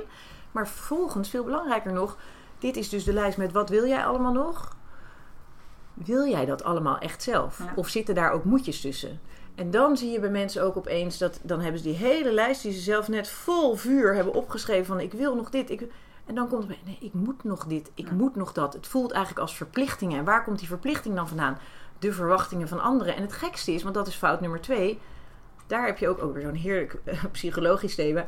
Je hebt verwachtingen en je hebt metaverwachtingen. Wat zijn metaverwachtingen? Nou, de verwachtingen die jij verwacht dat anderen van jou hebben, die kloppen vaak ook helemaal niet. Want als die overwerkte dertiger zegt, ja, maar mijn ouders en dit. Nou, als jij naar je ouders gaat en je zegt, oh, man, pap, ik ben echt volledig. Er zijn heel weinig ouders die dan zeggen, wel eens na. Dat zeg ik ook wel eens. Hè, van, is het echt zo? Denk je dat dat zo is? Vraag, vraag het gewoon eens na bij al die mensen waarvan je denkt dat ze het van je verwachten. Precies. En dan de enige die ik echt wel vind, de maatschappelijke verwachting, die bestaat ook echt wel. Want dat is dat heersende klimaat waar ik het net over had. In de filosofie hebben we besloten dat het pragmatisme het is nu. Want zingevingsvragen stellen heeft geen zin, want we gaan er geen antwoord op krijgen. Ja, maar dat wil niet zeggen dat de vraag stellen geen zin heeft, ook al is het antwoord er niet. Dus we zijn pragmatisch met z'n allen. We zijn individualistisch, want iedereen moet zichzelf. Nou, eh, hè, daar gaat heel veel gemeenschapszin verloren. Daar gaat heel veel kijken naar de ander op een ander. Hè, niet, niet van wat Ja. maar de- daar gaat heel veel verloren. Maar ook dat consumentisme. Precies dat, ja. Nee, dus dat individualisme, dat is het oog hebben voor de ander. Weet je, dat is er. We zijn met z'n allen veel te individualistisch. Dan heb je de religies van het consumentisme en het materialisme. Dat zijn dingen. ehm, want dat is dan wel, als je het hebt over dat willen en moeten. Ehm, een deel van dat moeten denken we te moeten van anderen, terwijl dat wellicht niet waar is. En een deel van dat moeten, en dat is een beetje mijn crusade, hoe noem je dat? Mijn kruistocht nu op dit moment. eh, dat het echt ook anders kan. En ehm, ja, aan de ene kant is dat een politieke kwestie. Dus ik bedoel, dat is in mijn geval nu inmiddels een, een kwestie van politieke voorkeur. Maar dat is ook een kwestie van eh, toch op een zekere manier wakker worden. En het is heel interessant om dat ook te relateren aan eh, de huidige situatie natuurlijk. En eigenlijk vind ik het nu complexer geworden. Toen de coronacrisis zich voor het eerst aandiende, dus toen we in de eerste lockdown gingen, toen was ik eigenlijk stiekem op een bepaalde manier een klein beetje blij. Omdat ik eh, heel veel mensen hoorde zeggen wat ik zelf al jaren dacht. Namelijk, heel veel mensen zeiden voor het eerst hardop, waar was ik eigenlijk mee bezig? Ja. Weet je, wat was ik nou eigenlijk allemaal aan het doen? Hoe oppervlakkig waren mijn drijfveren wel niet? Dus ik dacht, joe, de vlag kan uit. Als we dit vasthouden, weet je, dan Mm. gaat iedereen nu door deze crisis iets anders nadenken over zijn consumptiepatroon, zijn bestedingspatronen, eh, vervuiling enzovoort. Maar ook gewoon Sociaal, over wat ja. is belangrijk, waar leef Ja, ik eigenlijk voor. eigenlijk de echt hoeveelheid mensen die zeiden van nou, voor het eerst maak ik s'avonds een wandelingetje en dat ga ik nooit meer mee stoppen. Weet je, dat ik dacht, yes! Ja, maar ook de het. samenhorigheid vond ik heel bijzonder. Hè? Want toen vochten we met z'n allen tegen het virus. En dat, dat we klapten voor de zorg. En we gingen eh, briefjes bij oudere mensen in de brievenbus stoppen. en Precies, wat precies. allemaal. En er stonden teddyberen voor de ramen, zodat de kinderen wat te doen hadden en zo. Ja, dat was. En, en nu is het natuurlijk zo moeilijk om dat gevoel vast te houden. Want wat je nu ziet is de polarisatie is één. Maar ook doordat de mens al zijn eh, oppervlakkige hedonistische geneugten zo lang ontnomen zijn. Ontstaat de illusie dat we juist en alleen daar onze levensvreugde uithalen. Dus dat het shoppen, het shoppen mag niet meer. En het vliegen mag niet. Ja. En het consume- consumeren mag niet. En we mogen niet naar de kroeg. En dus omdat het ons ontzegd wordt, krijgen we het gevoel dat we dat willen. Want juist dat wat je niet mag, weet je wel, Ja. wat, wat we al zo lang moeten ontberen. Dus dat vind ik heel erg jammer van hoe de ontwikkeling nu is. Ik hoor gelukkig nog steeds bij zowel mensen als ook organisaties en bedrijven dat ze zeggen: nee, nee, nee, maar dat eerste wakker worden is bij echt wel bij veel mensen gebleven. Weet je, er zijn veel meer mensen nu nog steeds die het belang van de natuur of het belang van naar buiten gaan of weet ik wat. Ik hoop ook dat in deze hele fundamentele discussie het niet meer wordt tussen de, de discussie of vaccineren of gezond leven, maar dat we in ieder geval er ook aan overhouden van, oh ja, wat is gezond leven eigenlijk? Zowel fysiek als ook mentaal, weet je wel. Want waar ik me vanaf het begin af aan al zorgen over heb gemaakt is hoe ernstig zo'n virus ook voor hele jonge mensen is zo'n lockdown ongelooflijk schadelijk. Om terug te komen naar het onderwerp, ehm, merkte ik aan de ene kant dat door corona meer individuen zich vragen stelden waarvan ik dacht, het zou voor jou geweldig zijn geweest als je deze vraag vijf jaar geleden bijvoorbeeld al had gesteld. Ook weer niet vanuit een crisis, want dat is hetzelfde wat Hmm. ik beschreef met mijn persoonlijke ervaring. Vanuit een crisis je die vraag stellen is één ding, maar het is eigenlijk prettiger om die vraag gewoon al voordat er een negatieve aanleiding is, je die vraag te stellen. Het grappige is dat ik ook merk in het werk wat ik doe, dat de laatste jaren, corona heeft daar een extra zetje gegeven, maar dat was de laatste vijf jaar al gangbaar. In 2013 was het echt lastig toen ik zei: Ja, jongens, jullie moeten kijken naar die existentiële vraag. Dan zeiden echt bedrijven die mij normaal boekten voor een lezing of zo, zeiden echt: Mevrouw, waar heb je het over? Of nou, daar gaan we onze mensen niet mee besmetten hoor, met dat soort vage ideeën of weet ik wat. En al vanaf een jaar of vijf geleden werd ik steeds vaker gevraagd voor onderwerpen zoals vitaliteit. Nou, dat begon al een beetje mentale vitaliteit. Nou, mentale gezondheid. Steeds meer die kant op. Ik dacht, hé, hey, weet je, het is ongelooflijk. Mag en dat ik op een gegeven moment ook besloot voor mezelf. Als ik niet naast het dertigersdilemma ook gewoon mag vertellen dat ik denk dat die existentiële vraag stellen essentieel is, dan kom ik ook niet. Weet je wel, want dan vertel Ja. ik me echt, dan ben Nee, ik mezelf ben ook niet. Dan vanuit vertel ik vanuit jouw missie eh, aan het Alleen dat was in het begin wel lastig, want er waren gewoon echt mensen, partijen, bedrijven die daarop afhaakten. Die gewoon zeiden van ja, dat is te vaag of dat is te ingewikkeld voor onze mensen. Of te- ja, Doet me ook een beetje denken aan Brene Brown hè, van, eh, van eh, de kracht van kwetsbaarheid. Mhm. En die kreeg dan ook uitnodigingen over voor lezingen als het maar niet over kwetsbaarheid en schaamte ging. ja, ja precies. Ja, echt dat- precies hetzelfde bij mij. Dus dat moest ik dan even niet. Ja, nee, nee, oh, nee dat, dat, we willen het alleen puur over die praktische Ja. aspecten van dat dertigersdilemma. natuurlijk niet. Nou, ik kom niet meer. Dat heb ik gewoon toen op een gegeven moment besloten. En nu zie ik dat ehm, het was dus al een jaar of vijf bezig. En het is ook weer, ook in Amerika, dan komt er zo'n wo- woord in de purpose. Weet je wel? Nou, dat is niet precies hetzelfde. Maar voor mij was het makkelijk dat ik dat zo'n woord dan weer een deurtje opent naar, oh, nou dat is dan acceptabel. Weet je, dus dan kon ik praten over wat ik echt belangrijk vond. En nu, inmiddels door corona, zie je dat het laatste zetje nog gegeven is mentale gezondheid, mentale weerbaarheid. Eh, is gewoon het nummer. Dus nu staat mijn agenda vol met alleen nog maar praten over het onderwerp waar ik het allerliefst over praat. Maar waarvan ik ook denk dat het het allerbelangrijkste Ja. onderwerp is voor iedereen. Want eh, het gekke is dat los van het leven wat je dus kan overkomen, ernstige ziekte, verlies, wat dan ook, hè, daar- daar, daar is geen kruid tegen gewassen. Is al het andere zoveel draaglijker als je jezelf die existentiële vraag hebt gesteld. Al het andere is op te lossen, aan te gaan. Ehm, dus voor mij gaat het voor al het andere. Los van je fysieke gezondheid hè, in de basis, ehm, is het zo dat voor alle andere klachten, dus ehm, ook fysiek, fysiek en mentaal, alles wat niet echt een klinische oorzaak heeft, is naar mijn idee op te lossen of te verbeteren. In ieder geval Wanneer je draaglijker als je daar Ja. dus over nagedacht Ja. hebt. Ja. Ja. En het is inderdaad wat je zegt vaak zo, dus dat je vaak een crisis mee moet maken om, hè, hoe vaak ik hier niet mensen met een burn-out heb of die tegen een burn-out aanlopen, die je bij wijze van spreken allerlei adviezen kan geven van, goh, joh, je moet nu echt voor jezelf gaan zorgen, je moet aan de rem trekken, weet ik het wat allemaal. Dan zeggen ze ja en amen, maar ze moeten eerst op hun bek gaan voordat ze uiteindelijk, Ja. en dan komen ze terug, oh ja, ja, nou je had toch wel gelijk. Ja. Hè? Dus mensen hebben toch op de een of andere manier blijkbaar vaak een crisis nodig, of we leven in een tijd waarin dat eh, nodig is. En jij zegt eigenlijk is het, en ik wil de boer op, het is mijn missie om mensen bewust te maken dat, dat je ook voor een crisis. Sterker nog, ik, ik heb, eh, gelukkig heb ik ook daarin steeds meer medestanders. Was ook toen ik dat in 2013 in het boek zette, was het belachelijk erg. Er staat heel concreet een passage dat ik me steeds meer ging afvragen waarom we op school zoveel nadruk leggen op de taal- en rekenles, terwijl er niet over levenskunst wordt nagedacht en over keuzes maken en over jezelf zijn, maar Ja. überhaupt niet jezelf zijn, maar zijn op zich, weet je wel, mens zijn. eh, in deze maatschappij zijn, wat dat betekent. En dat was ook toen ik daar in 2013 over begon, dachten mensen: wat is het voor een raar activistisch figuur? Weet je wel, waar heeft ze het over?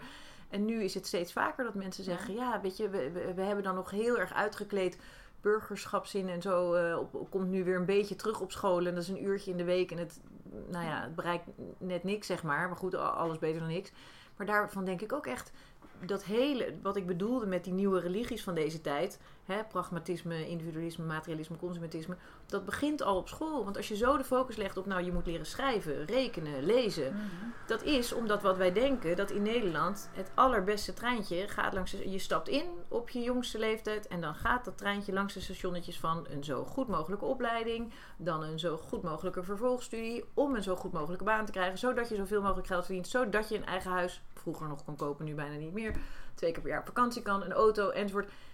Wie zegt dat dat de route is, weet Ja. je wel? En dat is het gekke, dat zodra je eenmaal in dat treintje stapt, Ehm, nou ja, dat dendert ook maar door. En er zijn verder bijna geen tussenstationnetjes meer. Niemand neemt meer de boemeltrein en denkt ik ga nog een andere route kiezen. Dus dat is een, dat is een intercity waar je instapt. Die in Nederland nou eenmaal zo rijdt. En daarom heb ik dus toen al gezegd, maar nu vind ik daar steeds meer gehoor voor.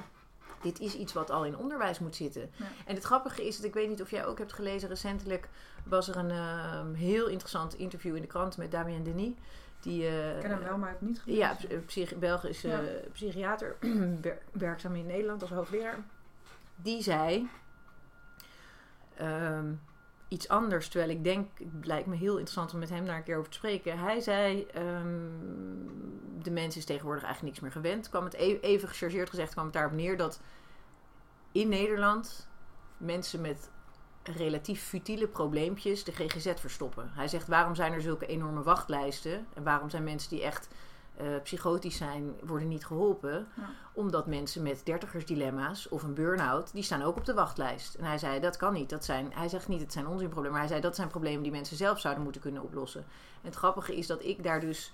eh, een kanttekening bij maak. Want ik ben wel met hem Ja. eens dat de GGZ niet verstopt zou niet moeten worden door mensen met dertigersdilemma's of mensen met burn-out. Maar Als dat er twee zelf dingen. kunnen oplossen is ook een. Precies, dat er, twee dingen, dat er twee dingen zijn. De GGZ moet er echt zijn voor mensen met een klinische stoornis en met een acuut eh, gevaar. De reden dat eh, zoveel mensen met veel mildere problemen, angststoornissen, stressstoornissen, eh burn-out-achtige klachten, depressie-achtige klachten enzovoort, daar nu zitten, is tweeledig. Aan de ene kant omdat onze maatschappij een druk oplegt van waar we aan moeten voldoen, waardoor zoveel mensen denken dat als je daar niet aan voldoet, is er iets mis met je en dus moet je naar een expert, want nou ja, jij bent niet gelukkig. Dus er is iets mis met jou. Dus je moet naar een psycholoog of psychiater. Want hè, iedereen is toch. iedereen kan gelukkig worden. Je kan alles worden wat je wil. Alles is mogelijk. Nou, als jij het niet redt, hop, dan is jouw probleem. Nou, dus dan moet je hulp gaan zoeken. Dat is één kant ervan. De andere kant ervan is dat we dus ook mensen niet leren. Want wat ik al zei, de, hulp van het lezen van dat dertigersdilemma zat er al in dat de helft van de mensen zei: Oh, gelukkig, ik ben niet de enige. En dit is niet raar dat je hier last van hebt. Dit is normaal, dus ik ben eigenlijk niet gek. Dus iedereen moet ook het gevoel krijgen dat dealen met het leven, dat dat erbij hoort. Het grappige is dat ik tegelijkertijd niet terug wil naar het oude mantra van... Nou ja, we moeten gewoon eh kop dicht, niet zeuren, doorploeteren en je moet het zelf oplossen. Nee, het grappige was dat ik op mijn Ja, maar middel... dat is ook weer een beetje zo van schouders eronder. We doen alsof het er niet is. Precies, want dan kom je weer terug in, in het oude leven. En dan denk ik ook dat jij het ook met me eens bent. Waarom hebben mensen toch zo vaak iets aan een professional? Omdat je in je eentje, ook al is het een heel oppervlakkig klein mentaal probleem, in cirkeltjes blijft rondredeneren. Je laat jezelf wegkomen met bullshit. Je weet niet hoe je eruit komt. Op mijn middelbare school schreef ik al een essay over dat ik zou vinden dat iedereen eh, gratis toegang zou moeten hebben tot een psycholoog. En waarom schreef ik dat? Mijn leraar Nederlands was ook psycholoog. Eh, of tenminste, was opgeleid tot, tot Neerlandicus en tot psycholoog. En ik ging, in die tijd mocht dat nog, ik ging na schooltijd wel thee drinken bij hem. Dat zou natuurlijk nu allemaal niet meer mogen, maar dat mocht toen wel. En ik dacht in die tijd, ik was denk ik 16, 17, ik dacht dat wij vrienden waren. Terwijl later dacht ik, nee joh, ik, wij waren helemaal geen vrienden natuurlijk. Maar hij was gewoon echt een hele goede luisteraar. Dus ik kwam daar één keer per maand of zo. Liet ik even al mijn zooi liet ik lopen. Alles lulde ik tegen hem aan. Het was iemand die geen belang bij mij had. Het was mijn vader niet, mijn moeder niet. Het was gewoon mijn psycholoog. En tegenwoordig zou je dat coach, therapeut, je zou het kunnen noemen hoe je het wil noemen. Dat heeft mij zoveel geholpen. Want, want de dingen waar ik overdag op school mee zat, vindt die of die me leuk. Iemand sluit me buiten, iemand doet lelijk. Ik heb onzekerheden over kan ik nog wel door. Die legde ik bij iemand neer. Iemand gaf daar helemaal niet eens advies, maar iemand luisterde daar objectief naartoe. Of, eh, luisterde daar objectief naar. Daar kon ik mee door. Dat is het grote voordeel. En hè, wat een winst is aan iemand bezoeken die dat voor je doet. Het gekke is, als je dat dus wegneemt voor milde klachten. Als je dus de route zou volgen en zou zeggen: nee, weet je, hulp, is, hulp is alleen voor mensen met grote problemen. Ja. Dan creëer je uiteindelijk op de lange termijn eh, mensen met grote problemen. Ja. Want als je hierin door, hè, de een weet zich eruit te worstelen, maar de ander gaat doormodderen, doormodderen. En, En die dan zit dan wel thuis met een burn-out of met een depressie of een weet ik wat. Dus ik vind juist wel dat er ook hele. Maar er is op zich wel een hele grote markt aan hulpverleners. Hè. Je, Ja. Dat zo, en da- daarin hoor ik dan ook wel weer vaak dat het heel ingewikkeld is voor mensen om de juiste hulpverlener dan te vinden. Omdat je hebt natuurlijk een enorme wildgroei aan coaches. Er zijn, op zich zijn er heel veel hulpverleners of hulpbronnen voor die mensen Ja. met die milde klachten. Ja, nou en ik denk dus ook echt dat je een scheidslijn zou moeten maken. Daarin ben ik het dus met Damia- Damiaan eens. GGZ zou echt voorbehouden moeten worden aan mensen met psychische klachten. Eh, eh, sorry, psychische klinische klachten. Voor al die andere mensen zitten er denk ik twee dingen. Ik vind het een niet op te lossen probleem zo snel. Omdat, waar ik het net over had, die gebakken lucht die in onze branche wordt verkocht. Ik bedoel, jij kent ze denk ik ook. Van die mensen in onze hoek die dus op Instagram in vijf stappen naar je huppelde pup. In drie stappen, nou, het gaat ge- gelukkig tegenwoordig heel vaak over business. Daar kan ik me dan nog minder over. In vijf stappen naar 20k per huppel. Weet je, dat soort tekst dat ik echt... Ik, oh, ik kan daar echt heel erg me over opwinden. Zou ik hier niet doen. Maar diezelfde types zijn er dus ook op het gebied van persoonlijke ontwikkeling. Dan zou je kunnen zeggen, ja, mensen zijn er zelf bij, die trappen erin. Maar ik vind toch dat daar valse beloftes worden gedaan. Dus misschien zouden we kunnen zeggen, ja, een, een oplossing is toch weer het beschermd maken van bepaalde beroepsgroepen. Weet je, eh word je coach, mag iedereen in zijn- in zijn tuin timmeren. Dan kunnen wij zeggen, ja, als je slim bent, dan ben je aangesloten bij een bepaalde beroepsgroep. En daar zouden mensen dan op kunnen selecteren. Nou, dat is dan wel meteen de, de enige tip die er is eigenlijk. En het andere is gek genoeg juist ook toch dat het iets kost. Ik weet nog dat ik bij Converge, dus dat bureau waar ik ooit begonnen ben, eh, waar ik dat onderzoek gestart ben, werkte. En dat ik zag dat daar kwamen mensen omdat hun baas betaalde dat traject. En zij konden achteraf niet geloven hoe ongelooflijk veel het had opgeleverd. En ik zie heel vaak toch bij particulieren dat aan de ene kant ehm, geven mensen geen geld aan zoiets uit. Dus ze gaan wel op vakantie of ze kopen wel die nieuwe tas. Maar ze zullen niet, eh, weet Ja. ik wat voor be- bedrag neertellen om bij jou aan tafel te gaan. Terwijl ik denk dat zij veel meer profijt zullen hebben van een programma bij jou volgen dan van die nieuwe jas. Dat weet ik gewoon zeker. Ja. Dus dat is al één ding. Het andere is, als mensen het zelf betalen, komt er soms ook toch iets lastigs bij dat ze daar weer andere verwachtingen van krijgen. Hè, mensen zeggen aan de ene kant, mensen moeten wel zelf een investering doen. Dat is belangrijk, ook een financiële investering. Maar aan de andere kant, een bedrag wat te groot is voor mensen gaat ook weer. Mhm. Dus ik heb het idee dat, dat daar toch ook iets, iets lastigs zit. Dat, dat het niet voor iedereen haalbaar is. Er is natuurlijk maar bepaalde zorg die vergoed wordt vanuit verzekeringen en zo. En dat het voor mensen tweeledig is. Dat aan de ene kant ze niet goed kunnen inschatten hoeveel een abstract Ja. eh, iets ze op gaat leveren. En aan de andere kant dat het voor sommige mensen ook gewoon te duur is. Dat, ze, dat ze dat geld daar niet voor hebben. En dat vind ik ook echt bezwaarlijk. Want dan denk ik, als we allemaal, als we vastzitten in zo'n, hè, of het een hè, somberheid is, of angstigheid, of gestrest. Hè, de dingen die wij net noemden al, de paar kleine, simpele dingen die je als hulpverlener dan kunt bieden. Ja, dan denk ik, daar heb je een wereld mee te winnen. En dan, ah, ik ben niet van het geld, maar daar, daar is ook een heleboel. Hè, als Rutte nou bezorgd is om de economie, daar is ook heel veel geld mee te, mee te besparen. Als je dat Ja. in een vroeg stadium Ja. aanpakt en ondervangt. En daarnaast vind ik dus dat je aandacht voor ehm, hoe te leven, hoe keuzes te maken. Dat je dat bijvoorbeeld vanaf veel jongere leeftijd al eh, in het onderwijs zou kunnen stoppen. Ja, dat ben ik wel helemaal met je eens. Volgens mij zouden we dan inderdaad in de generaties daarna een heleboel eh, problemen onderscheppen. Ja, ik ben, er is een hele interessante onderzoekster. Zij heet Jolien Dopmeijer. Zij heeft net een eh, proefschrift gepubliceerd. Running on Empty. Over de mentale overbelasting van studenten in Nederland. Nou, nu in corona waren de cijfers. Ze, ze heeft met het Trimbos Instituut en een aantal andere organisaties heeft onderzoek gedaan. De meest recente cijfers waren echt schrikbarend. Dat een kwart van de studenten in Nederland eh, af en toe suïcidale gedachten heeft. Nou, een kwart is echt heel veel. Dat is één op de vier. Eh, en echt erger dan even een keertje denken van nou, ik ben er wel klaar mee. Maar echt dus eh, ernstiger dan dat. Die rapporten zijn, zijn iets, net verschenen. Ehm, maar zij zegt dus ook dat universiteiten nu ook wakker worden. En dat je daar ook weer de midden moet vinden tussen aan de ene kant wat zo'n Denis zegt. We moeten niet ehm, dingen die bij het leven horen gaan problematiseren en gaan overdiagnostiseren. En aan de andere kant is het ook de schuld van de huidige westerse prestatiegerichte maatschappij dat wij mensen zoveel druk opleggen en lijkt er geen ruimte te zijn voor een ander geluid. Van dit hoeft niet, wie zegt dat? Enzovoort. En daarom is mijn missie geweest, weet je wel, vanaf een aantal jaren Mhm. geleden van iedereen denk voor jezelf na wat jij vindt. Maar- als je ziet dus dat soort cijfers onder studenten bijvoorbeeld, en zij zijn ook eh, heel concreet bezig met allerlei interventies op universiteiten om naast de studielast ook toch te kijken van hoe kun je studenten gewoon duurzaam helpen zichzelf te helpen. Want het is natuurlijk, kijk, mij gaat het alleen maar om het welzijn van de mensen. Persoonlijk, eh, wat ik zei, eh, mensen helpen zo effectief gedrag te, mogelijk gedrag te vertonen. En dan bedoel ik effectief in de zin van dat je zelf gewoon vrijheid van, van pijn en stress eigenlijk Mhm. gewoon. Ehm, niet iedereen in Nederland vindt dat een relevant genoeg geluid. Maar ook daar, het is allemaal weer geld. Want als je ziet, wat, als je daar niet ingrijpt op tijd. Als je ziet wat daar dan ontstaat aan depressies, angststoornissen, weet ik wat. Wat weer de GGZ-lijsten dan straks gaat volspoelen enzovoort. Ja, en ik, ik denk, we creëren het zelf in het Westen. Ik, ik heb met andere collega's regelmatig er ook over, weet je, hoe dat zit. De link met elektronica. Als je nu kijkt naar jonge mensen, gewoon toch de afhankelijkheid van een telefoon. Het jezelf. Ja, in, in 2004 had ik het al over sociale vergelijking onder die millennials. Of hè, toen de dertigers Mhm. van toen.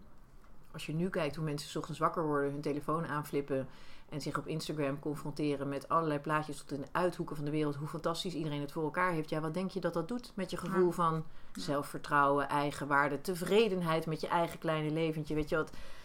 Als je het hebt over concrete programma's, ik denk dat jij dat ook wel doet. Hele concrete programma's ben ik steeds vaker bezig met mensen alleen maar minimaliseren. Consuminderen, naar buiten gaan, wandelingetje Ja. maken, vier de kleine momentjes. Vier de- het, het, het is eigenlijk zo simpel, Ja. maar het gekke is dat mensen dus thuis daar op de bank niet achter komen. En zij denken, En ook bijna meer verwachten dan dat van een hulpverlener. hè. Want als, als ik ze dan bijvoorbeeld in een, ook in een coachtraject met dit soort dingen... Ja, het is niet eens confronteren, want het is het natuurlijk is weten. aanrijk, ja, ja. Ja. of nogmaals bijna, ja. Ja, dan, dan kijkt ze je bijna aan van... Ja, maar als het zo simpel was, dat het- waarom ben ik hier dan? Precies, nou ja, en dan weet jij net als ik het antwoord, omdat ze het niet doen. Ja, Ze weten het wel, maar ze doen het niet. Ja. En daar zit het hem in. Ja. En ze, ze, ze voelen ook niet hoe schadelijk het is om zichzelf ochtends met al die glorie halleluja plaatjes te confronteren. Maar daar zitten natuurlijk een heleboel dingen aan. Ten eerste, al die mensen zijn glorie halleluja op één mini-aspect van hun leven. En als jij jezelf dan, hè, als jij zelf mensen volgt op Insta, een foodguru, een interieurguru, een opvoedguru, een fashiongoeroe, een inhoudelijk guru, dan ben jij jezelf dus aan het confronteren met alle, met, met 50 individuen die op 50 verschillende gebieden het allemaal perfect voor elkaar hebben. Jij ziet niet de hoek van de kamer van die interieurstylist die ze niet op de foto heeft gezet. Dus dat zij ergens ook een Ja, hoop wou ik zeggen, want je ziet ook maar een beeld van die goeroe. Hè? Want als je die, die goeroe zou vragen, dan zit die goeroe misschien ook Precies, en er zijn er steeds meer inderdaad die uiteindelijk na vijf jaar influencen uit de kast komen en zeggen van eh, ik heb een depressie, ik heb een burn-out, ik heb het allemaal bij elkaar gelogen, ik, het waren allemaal plaatjes niet van mijn eigen huis, maar weet ik wel. Dus die zijn er steeds meer. Dus het is, om te beginnen, de helft is fake waarschijnlijk. Maar de helft die niet fake is, is heel erg bedreven op één spe- heel specifiek gebied van het leven. En als jij jezelf dan met allemaal Oh. van dat soort mensen, dan krijg jij dus het illusie dat je op al die vlakken in het leven het op die manier voor elkaar moet hebben. En het gekke is, we weten, want ik ben het met jou eens, mensen die je dat dan vertelt, die kijken je aan van, ja, maar is dit de tip die je voor me hebt? Het gekke is, mensen weten niet hoe dat psychologisch in je hoofd werkt. Je ziet dat plaatje van die vakantie waar die persoon op, of hè, niet eens een Mhm. vakantie, of van de Seychelles. Dat doet iets in je brein. Dat plaatje, plaatje blijft daar zitten. Onbewust komt de Seychelles op dat lijstje van willen te staan. Zonder dat je kritisch zelf bevraagt, wil ik dat echt? Of, hè, enzovoort. En doordat dat plaatje op jouw lijstje van willen komt te staan onbewust, wordt jouw tevredenheid met je dagelijkse leven meteen automatisch al minder. En ga je zitten balen van hoe kut jij het hebt eigenlijk, Hmm. terwijl dat reuze meevalt. En het gekke is, je bent je niet eens bewust van dat je, je- Ja. da- dat je Ja, zit te balen. te Ja. Alleen je algemene gemoedstoestand wordt minder. Mensen zijn een beetje gefrustreerd, een beetje ontevreden, een beetje dit. Ik ben niet echt happy. Ja, hoe komt dat? Weet je, dus, dus het, het zit hem in het actieondernemen. En daarin denk ik ook dus juist weer waarom eh, professionals op dit gebied, die, de echte goede, waarom die goed zijn. Omdat je in allerlei, nou dat doe jij ook in allerlei programma's en oefeningen, mensen laat experimenteren met gedrag. En ze dingen gewoon oplegt. En eh, als een strenge eh, Nou ja, leraar met een stok achter de deur. Ja, of, ja. Nou ja, of inderdaad leert dat het leven dus niet maakbaar is en dat, eh, dat ze meer naar die eigen kern mogen. Ja. En dat het, ja, dat. Het, dat het, wat die Damian ook zegt, dat het leven niet altijd leuk hoeft te zijn. Nee, nee. Nee, en het grappige is dat ik daarin wel, want ik heb inmiddels ook wel één of twee keer gehad dat ik echt in hele positieve zin verrast was door een opdrachtgever. eh, ook een keer vijf jongerenclubs die tegen mij zeiden van ja, wij willen echt filosofisch de diepte in. Dus dat boek wat je, dat tweede boek wat jij gemaakt hebt, wij willen gewoon dat je ons daarmee confronteert. Nou, en wat je dan dus gaat doen, misschien ik weet niet of we al veel te lang aan het praten zijn, dan is dit het, het laatste Nou, wat ik als dan is dit nemen. laatste wat ik vertel. En het is, ehm, het moet nu met grote stappen snel thuis, want je kunt dat niet eh, echt doen. Maar wa- wat voor heftige, confronterende workshops ik dan doe, ook omdat ik het onbestaanbaar vind dat mensen daar zelf dus in hun leven niet over nadenken. Dus je hebt een zaal vol met mensen. En dan gaan we het eerst hebben over sterfelijkheid. Want het hele bijzondere is dat wij als mensen de enige levende soort zijn met besef van onze sterfelijkheid. En dat we ons nooit realiseren hoeveel invloed dat heeft op ons handelen. Want het grappige is, een hond ligt voor de haard lui te tukken. Ja, waarom? Omdat hij geen idee heeft dat het morgen wel afgelopen kan zijn. Dus het zijn hele boeiende theorieën, zoals de terror management theorie van Becker. Lees het allemaal maar eens. Die zegt dat eigenlijk alles wat wij mensen doen, is maar ontsnappen aan de ongemakkelijke werkelijkheid van dat het eindig is. Dus alles wat we met z'n allen druk aan het doen zijn en allerlei nou ja, rituelen die we met elkaar doen en het optuigen van religie. Hij is net als ik, eh, was hij nogal niet gelovig. Maar ook los daarvan, alles waar we mee bezig zijn, wat we aan het creëren zijn, is om maar niet te hoeven denken van, oh ja, want wellicht morgen. Dus dat is één. Eh, maar wat ik dan doe met zo'n zaal, is dat ik aan mensen vraag van, nou ja, weet je, dus wij weten dit. Maar zou je eeuwig willen leven? En het grappige is dat de eerste impuls uit zo'n zaal is dat ja natuurlijk, weet je, ja, ja, oké, nou goed, hoe zie je dat dan voor je? Weet je, jij wil eeuwig leven. Zitten daar dan nog randvoorwaarden aan? Dus ga je mensen eerst een beetje vrij laten associëren. Ja, dan moeten natuurlijk mensen die waar ik om moeten ook wel eeuwig blijven leven. Dus, nou oké, even praktisch gezien al, hoe doen we dat dan met wereldbevolking? Kunnen we dan nog kinderen? Nee, dat kan dus dan eigenlijk niet. Dus oké, iedereen die er nu is, blijft dan leven. En dan blijven wij allemaal eeuwig leven. Komen er geen nieuwe mensen meer bij. Vind je een beetje sneu voor jouw kinderen dan? Dat zij geen kinderen meer kunnen krijgen? Die ervaren... Ja, dat is wel jammer. Ja, dus dan, hm, maar goed, nee, we dan, de wil om, e- om eeuwig te leven overheerst dan. Dus ja, dan gaan we met z'n allen. Oké, en wil je dan wel ouder worden? Of wil je... Eh, oh, goede vraag. Ja, nee, dan zou ik wel mentaal ouder willen worden, maar niet fysiek. Oké, nou wat, maak het eens heel concreet. Wanneer zou dan de teller stop moeten gezet worden? Nou, dan zou ik wel het lichaam eeuwig willen hebben van zeg maar 25 zo'n beetje. Maar dan zou ik wel ja, eeuwig wijzer willen worden. Oké, dus dan wil je. du- Dus dan gaan we nu even vingers tellen. Wie wil dan. Dus we, hebben, maken het echt concreet. Je, neemt, je kan nu een pilletje nemen. En als je die pil neemt nu. Dan eh, blijf je eeuwig leven. Iedereen om jou heen die je lief hebt, die nu leeft, die blijft ook leven. Want die krijg, geeft je ook allemaal zo'n pil. En ja, jeetje. Ja, nou, als je het eigenlijk zo denkt. Eeuwig, hè? Ja, dan wordt het een soort Groundhog Day misschien, toch? Dan gaan we dus. Ja, wat ga je dan doen als je dan dus nog wel. Nou, dan gaan mensen dus denken. En het rare is dat je dan in een. Want hier heb je wel een uur voor nodig, dit hele denkproces. Nou, uiteindelijk van de 100% die zegt ik wil eeuwig blijven leven, kom je op 99% en meestal 100 die zeggen nee, eigenlijk, eigenlijk is het wel goed dat het eindig is. Oké, wacht even, wacht even. Dus jullie begonnen allemaal met je wil eeuwig leven. Nu zijn we maar een uurtje verder in de tijd. Nu willen jullie allemaal dood. Ja, nee, oké, we willen niet dood. Maar weet je, 10, 20 jaar erbij in goede gezondheid is prima. Maar eindigheid is eigenlijk best wel mooi. Heb je hier ooit eerder in je leven over nagedacht? Nee, nee, nee. Oké, dus je bent nu 35. Je zit hier nu bij mij in de zaal. En dit is de allereerste keer dat je over je eigen sterfelijkheid nadenkt. Ja, ja, eigenlijk wel raar, hè? Ja, dat is wel gek, inderdaad. Ja, nou ja. Oké, dan gaan we door. Dan zeg ik, oké, wie hier denkt dat het menselijk leven universeel nut heeft? Dus dat er echt een hoger doel is? Nou, dan krijg je eerst een beetje de schifting tussen de gelovige mensen en de niet-gelovige mensen. Maar zelfs voor een heleboel gelovigen zeggen ze dat het geloof één ding is, maar dat nou ja, zin van het leven nog weer wat anders is. Maar zeker bij de niet-gelovige mensen krijg je eerst alle ietsisten, weet je wel. Van nou, ik geloof niet echt in God of zo, maar ik denk wel dat er iets is. Oké, maar is dat iets dan een nut, weet je wel? Wat is dan het nut? Ja, het nut van het menselijk bestaan. Nee, maar ik bedoel, mijn nut is toch wel om iets goeds te doen voor de wereld of iets achter te laten. Nou, dan gaan we op diezelfde manier gaan we helemaal uitpluizen van wat zou dan universeel nut kunnen zijn? Als er een nut was, dus stel dat er of God was, maar of een ander universeel nut, laten we het even heel abstract, ook al is dat moeilijk voor te stellen, maar jouw nut in dit jouw doel in dit leven is alles paars maken. Even, dus zou je dan geboren willen worden met het idee dat jij wordt geboren, Frederike, en ik fluister jou in bij de geboorte van, nou, het, het, het nut van het menselijk bestaan is alles moet paars. Dan zie je ook op een gegeven moment zo'n golf door de zaal gaan van, dat wil je eigenlijk helemaal niet weten. Want als je van tevoren weet waar het toe dient, dan wordt het een exercitie, dan wordt het een opgave. Terwijl het feit dat je dus eigenlijk geen idee hebt waar het over gaat, maar het is wel eindig. Dat maakt het dus de greatest show on earth, weet je. En dan krijg je dus dat besef, weet je, dat wat ik het gevoel heb, wat mensen ook bedoelen die dat boek gelezen hebben. En die zeggen van het wordt voor mij opeens makkelijker om grote keuzes, maar ook kleine keuzes te maken. Omdat het gênant is gewoon dat wij met z'n allen iedere dag opstaan zonder dat we over deze hele grote dingen die alles eigenlijk beïnvloeden, nooit nadenken. En het allermeest bijzondere is dan dat eigenlijk vrijwel iedereen zegt: Wauw, zoals het dus is, is het eigenlijk het allerbest. Het is eindig en dat is eigenlijk maar goed ook want eeuwig door wil eigenlijk niemand. En we weten niet wat het nut is. Dat is eigenlijk ook maar goed, want anders werd het een soort schoolopdracht en een invuloefening. Wauw, dus het feit dat ik één leven heb en dat is nu. En ik heb geen idee eigenlijk waar het toe dient, maar ik kan het. Nou, dan zie je dus gewoon bij mensen echt alsof je het voor je ogen ziet gebeuren. Dus de inspiratie en de motivatie voor het leven, als een waanzinnig avontuur wat je mee wil maken, die zie je gewoon zo ontstaan. Weet je, en dat, nou ja, dat is dus de diepste vorm van workshops die ik over dit onderwerp geef. En die, die willen natuurlijk nog steeds niet alle bedrijven willen daaraan, want die denken ook, wow, wat is dit? Maar dat is wat ik bedoel. En hoe gênant is het dat wij in de westerse wereld dus daar überhaupt niet meer over nadenken. We zijn allemaal druk bezig. En we moeten de iPhone 11 of de 12 of de 13 of weet ik veel waar we nu zijn. Ja. En we hebben nooit nagedacht over sterfelijkheid, zingeving. Bespottelijk.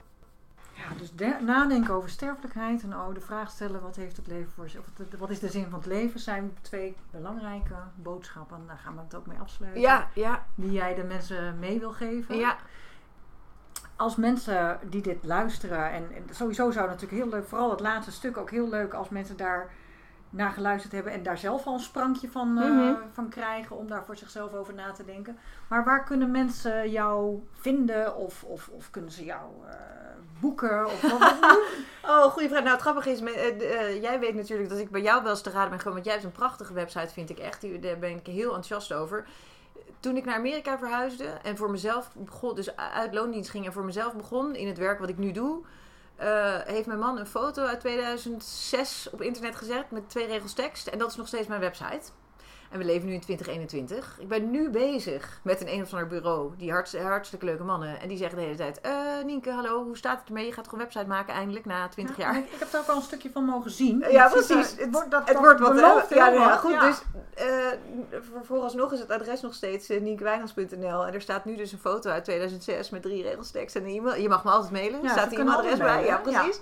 En, En ehm, waar kunnen ze je voor mailen? Wat voor, eh, voor lezingen, voor bedrijven heb ik gehoord? Ja, want op dit moment doe ik gewoon even vanwege tijddruk geen individuele trajecten. Wat wel zo is, is als die nieuwe website er straks is, is het in ieder geval de bedoeling dat met een aantal collega's, hopelijk ook met jou, maar eh, zo heb ik er meer. Thijs uh, Launsbach is een leuke, boeiende collega van mij. Wij doen samen wel eens lezingen en dergelijke. Dat we dat ook op open inschrijving voor gewoon het publiek doen. Want dat is precies waar ik het net over had. En dat zouden dan ook een beetje tarieven moeten zijn die gewoon voor een particulier te behappen zijn. Dus dat je, doordat je gewoon iets met een groep doet. Dat men, dus dat komt op die website als hij er komt. Maar ik kan je geen datum geven. Nee, maar dat zit allemaal in de pijplijn. Nee, en, eh, en die boeken kun je gewoon nog steeds eh, via Bol of weet ik waar. Ja. Maar liever natuurlijk als je mijn filosofie volgt, ga je naar je lokale boekhandel. En dan duurt het misschien soms ja. een dag langer, want niet iedere boekhandel heeft ze eh, meteen in de, kast kast liggen. Maar dan zeg je, nou, dan bel je ze de dag van dan zeg je, nou, dat boek van Nienke Wijnands, kun je dat Precies. bestellen? En dan Ja. ga je bij je lokale boekhandel en niet bij die dikke blauwe mannetjes. Dan, Heel goed. Ja, dus dan kan je dat vinden. Ja, dus dat wat betreft de boeken van Nienke. Twintigers Twijfels en Dertigers Dilemma's. En haar tweede boek Wie ben ik en wat wil ik. En daarnaast is Nienke te boeken voor lezingen, workshops, voor bedrijven. En eh, kun je op www.nienkewijnands.nl haar gegevens daarvoor vinden. Nou, ik dank je heel hartelijk voor het luisteren weer naar deze Krachtvrouwen podcast. En heel graag tot een volgende keer.